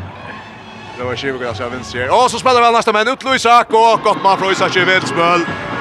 Och som flöver han Luisak sin tredje nästa månad. Första mål Joisak att han har fem och halv trushan halva mot. Och det var en av dem vi tog fram alltså som eh, ja, han har haft fram ur kappgrar, och vi har löst honom öliga väl men det är här alltså det är vi svåra nästa där det tar vi bra såna. Och August är inte noll. Ja. Det tar vi då så om August och Isak och det Det är ikke väl lagt att ta det att han måste bara säga. August sitter tar chansen mot när ut just nu. Abanston. Och Roa Shiva går till nu. Snäjar sig jukt med en rutte 50 och han Pura flyr och så skorar han till 8 och 28-11. 28-11. Roja Shiba gøtte vi Jökten brot her, det är altså han som är runt undertallig och har der færre Jökten som om 8-20 darvei damon. Nästa man Ivers som drar upp ner Felix Kjaersson innan stegna bättre stil laser och Felix Fär han attor nästa man varvar ett alloppe. Ro Haldansson, skipa där så spelar vi även backarna, Stiknas så Jimmy Felix. Och så tvärlar Lekvan och Hamskärn. Så tvärlar där bult och Lekvan och Hamskärn till där som Lutz inte kvätt ska hämta Hajar Fischer nu. Just Fullman där Märn till dem kommer in in där bunch någon och kanske hötte vi affären igen och varje så värsta Orega där. Nas, ett av bulters för spalt på till Lekvan och Hamskärn. Och här är alltså 28-11 till Heinan Fjärs. Och vi tar Trutjar minutter etter å spela. Det er vant til Jones fra få mål. ja, han leit etter. Brende Brottskast, ja? Ja. Han skar ja Hansen nästan. Han kan godt går gott også, ja. också. Slev och John han att svära bort någon han korsene, så røyner han om at han skär. Roa Chibuga i midt fire. Så John oppe henga. hänga. Att Roa, Roa, nu han plåse. Han slår man uppe. Ska skunda sig här. Vi är vinst John utav vånchen. John Wilhelm med jökne. Nu skjuter fram vi. Vi är sönder. Chibuga ska skjuta. Vi drar rätt avsett nu men för han går en chans korsne skjuter fram vi imponerande alla vilka rör Shibagut ska då. Ja, ja, hatt säkert. Ja, det är ju spalt några goda det är han inte spalt jävla lunch men han kommer öliga väl för sin sån där. Då Hallonsen gör av här inne mot Järnsvärden så kör bättre. Vi är ju så spelar faktiskt väl där nästa man och Björn Roa högra vänster Björn Roa Torpensson skorar tryckt. 28-12 här fjärs nästan Petter det var skulle inte center. 2 minuter och 20 sekunder efter av Faxe Conti i stedet finalen 2022 ta ett handdistrun av så Ja, vi kanske inte bant i råka, vi får attacka helt kött samman om, tar vi inte helt stora prata om Det tagit som Adjons stöver så framme, sätta vär Adjons också tullja. Och så framme att ta sig vi, ja, få reaktioner i år. Han ska sälja ur hemförställning. Oj, ett av är myntat i stånd till att John Willen kommer alltså jökten av högra, nej vinstra vantje och räkar ståndsna. Och så fänger han sin äkta retur och han svarvar drar upp nästan vär, inte fjärdar retur de ner. 8-20-12 til Heinan Fjers. Ein minutt i fjørs sekund etter av nega som hev. Man har kjent seg nesten noen som at ha vi jo trekt øyla nekka tenne ut. Øyla landje faktisk i trus samfotla minutter. Ja, det li, ja, ja, pynebunch som vi sier. Faktisk samtår. Jeg kunne ikke takla bedre. Hette er veri ein, ein tøym ja pynebunch for norska. Det er gledes nok til livet. Ja, nå vinner der bølten. Få bølten her er... Han er fyrst her ned, missa bølten i A-loppet så faktiskt ordet vad händer men uh, nästa kan fram fram att uh, Pinta det värsta lutsen där tre till alltså 8 och 20 och 12 till Highland Fjärs och i det rätt finner Hansson terminator. och Særlig steba, steba stämning kring høtten i Holse. Han är sin det löjen akkurat nu vill jag säga. Och nesten om att vara bättre bøtt finner för akkurat Fjaltronen. Holdt trus sekund efter. Nesten Jalleberg Rå i Haldansen, ut mot vänster finner Hansson. Och så spelar han finner inte Luisak men så kväll så Arne Damm i Störbjärging. Att det är Ulla fixa Alving inte Luisak och så kommer Arne Damm mest han stämde in det väl mål i Jan och Färjs av Bjärging. 30 sekund efter Ja, oj, tredje skon efter distan och nu just Sverige för nästan till Finn Hansson. Han faktiskt spalt helt tapplandist. Han bryter jökte, finta att vara som ner men Arne Damm igen och Störbjärging. 15 sekund efter 12 nästa mål er skåten ut av 28 heilan fjersmal. Et er et heldur kjærligt urslit. Vi tar omgang i sene luktande. Men Highland fjers er altså steipa vi nær 10 år ja og vi miklar samføring, det største samføring vi nær kan jeg vi fyrst kun håndbolt i halvdige vi tørja å si. Ja, heitor, hva hent her? Ja, Eh, är chockerad över att det ble så ljørt, men jeg vant at det var för for att vinna rumla sig trycka sig ganska vid 6 8 20 mål Eh, men det blir vår 8 och 20 og 12. Og det som man ständer rätt vid 10 12 mål nästan är allt ut världen för lite där när kan chansen att vinna nästa match då. Och och Berja Johan och Fjärs och all från nästan och till här med munnen där. Berja har fick en öde öde öde lägga Och all från nästan är ser starka vanade. Passivt uppgivande och och manklar och i alla matar uppfinnsamhet och och fantasi. Eh och ta på mun så stor som man är där. Men i halt jag ska det där marscha vart var ju gå. Eh men det är också marscha där. Det kan inte störas. Serra serra serra gott vi eh profilar åt på Blossom, spelare som kan avgöra åt på Blossom och ta då skifta ut så att nästa som kommer in han är Luka Gower. Eh och ta så jag vet inte jag nästa någon. Eh ja, tacka Mono blev så stor och och bit mistan misstanke vara långt i någon tar åtta mål av Mono att han kunde bli allt och tar vi nu 17 åtta mål 16 mål Ja, det är alltså en där alltså det inte under step av alla vart åt. Nej, blev jag inte löj äst nu har sagt från det trea step av finala SC från fjärde runt och vidare och Ja, faktiskt alla vi har runt att vi och sen sen som står för två månader sedan ta i han försökt kintel Bruce Sherman alltså känns det kanske som stöd som nästa nu här tar inte ordla hade tar profilen som där platt i hava men ta inte så tror ju mycket och jag kanske nu alltid att här sen kanske det spalt inte kan låta det gjorde inte det alltså det var det att ta tar gå tar vår skifte är det det går inte nästa någon grej på nära mat men ta nej nej det bra att men vi ska ta till finalen och sammanbära ta är bra samt att ta ta fallet som man är på som säger men ta vinna där bära vi fyra mål och det vinna där 16 Eh så månen blir öjliga öjliga stora som samarbetar så det bara lyssnar. Och ja men det är är ett öjliga största hajna för slöj så spelar det där. Öjliga öjliga öjliga störst kämpe röst där. Och tar möte av den lag som är för det första vikare och det vann ju nomstavån.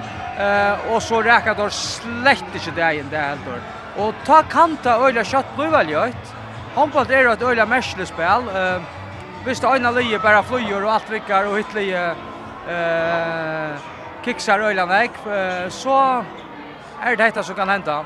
Eh men jag vill säga att vi spelar in rakt til toppen, Bäge linjen simpelt den räcker toppen i Odiste. Så tycker vi stadigt att Einars vinner och trycker sig. Alltså ta ta snatch inte inte 16 man men kanske en en 4 6 schema sig lock short.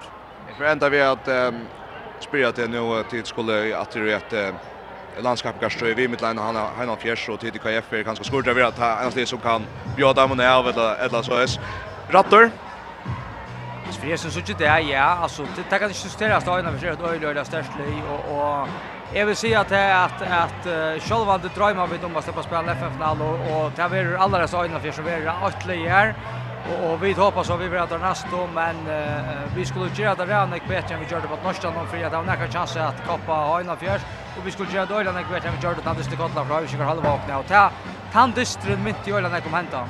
Eh simpla klassa månader. Ja. Så det kan inte diskuteras att Hajvik karriär och Nu har vi då vunnit Stebba Cup så och tar ju kämpe favoriter att vinna förra matchen i höst. Det är att ända här vi när så var inne från Hasselberga som i halvt du säger, vi min special säger det i mikrofonen bara sätta vi med. Ehm vi Vi det heter Grett Dal störste och med samförande Steba sig den nägrand då. Är det det största handbollslivet vi tar så?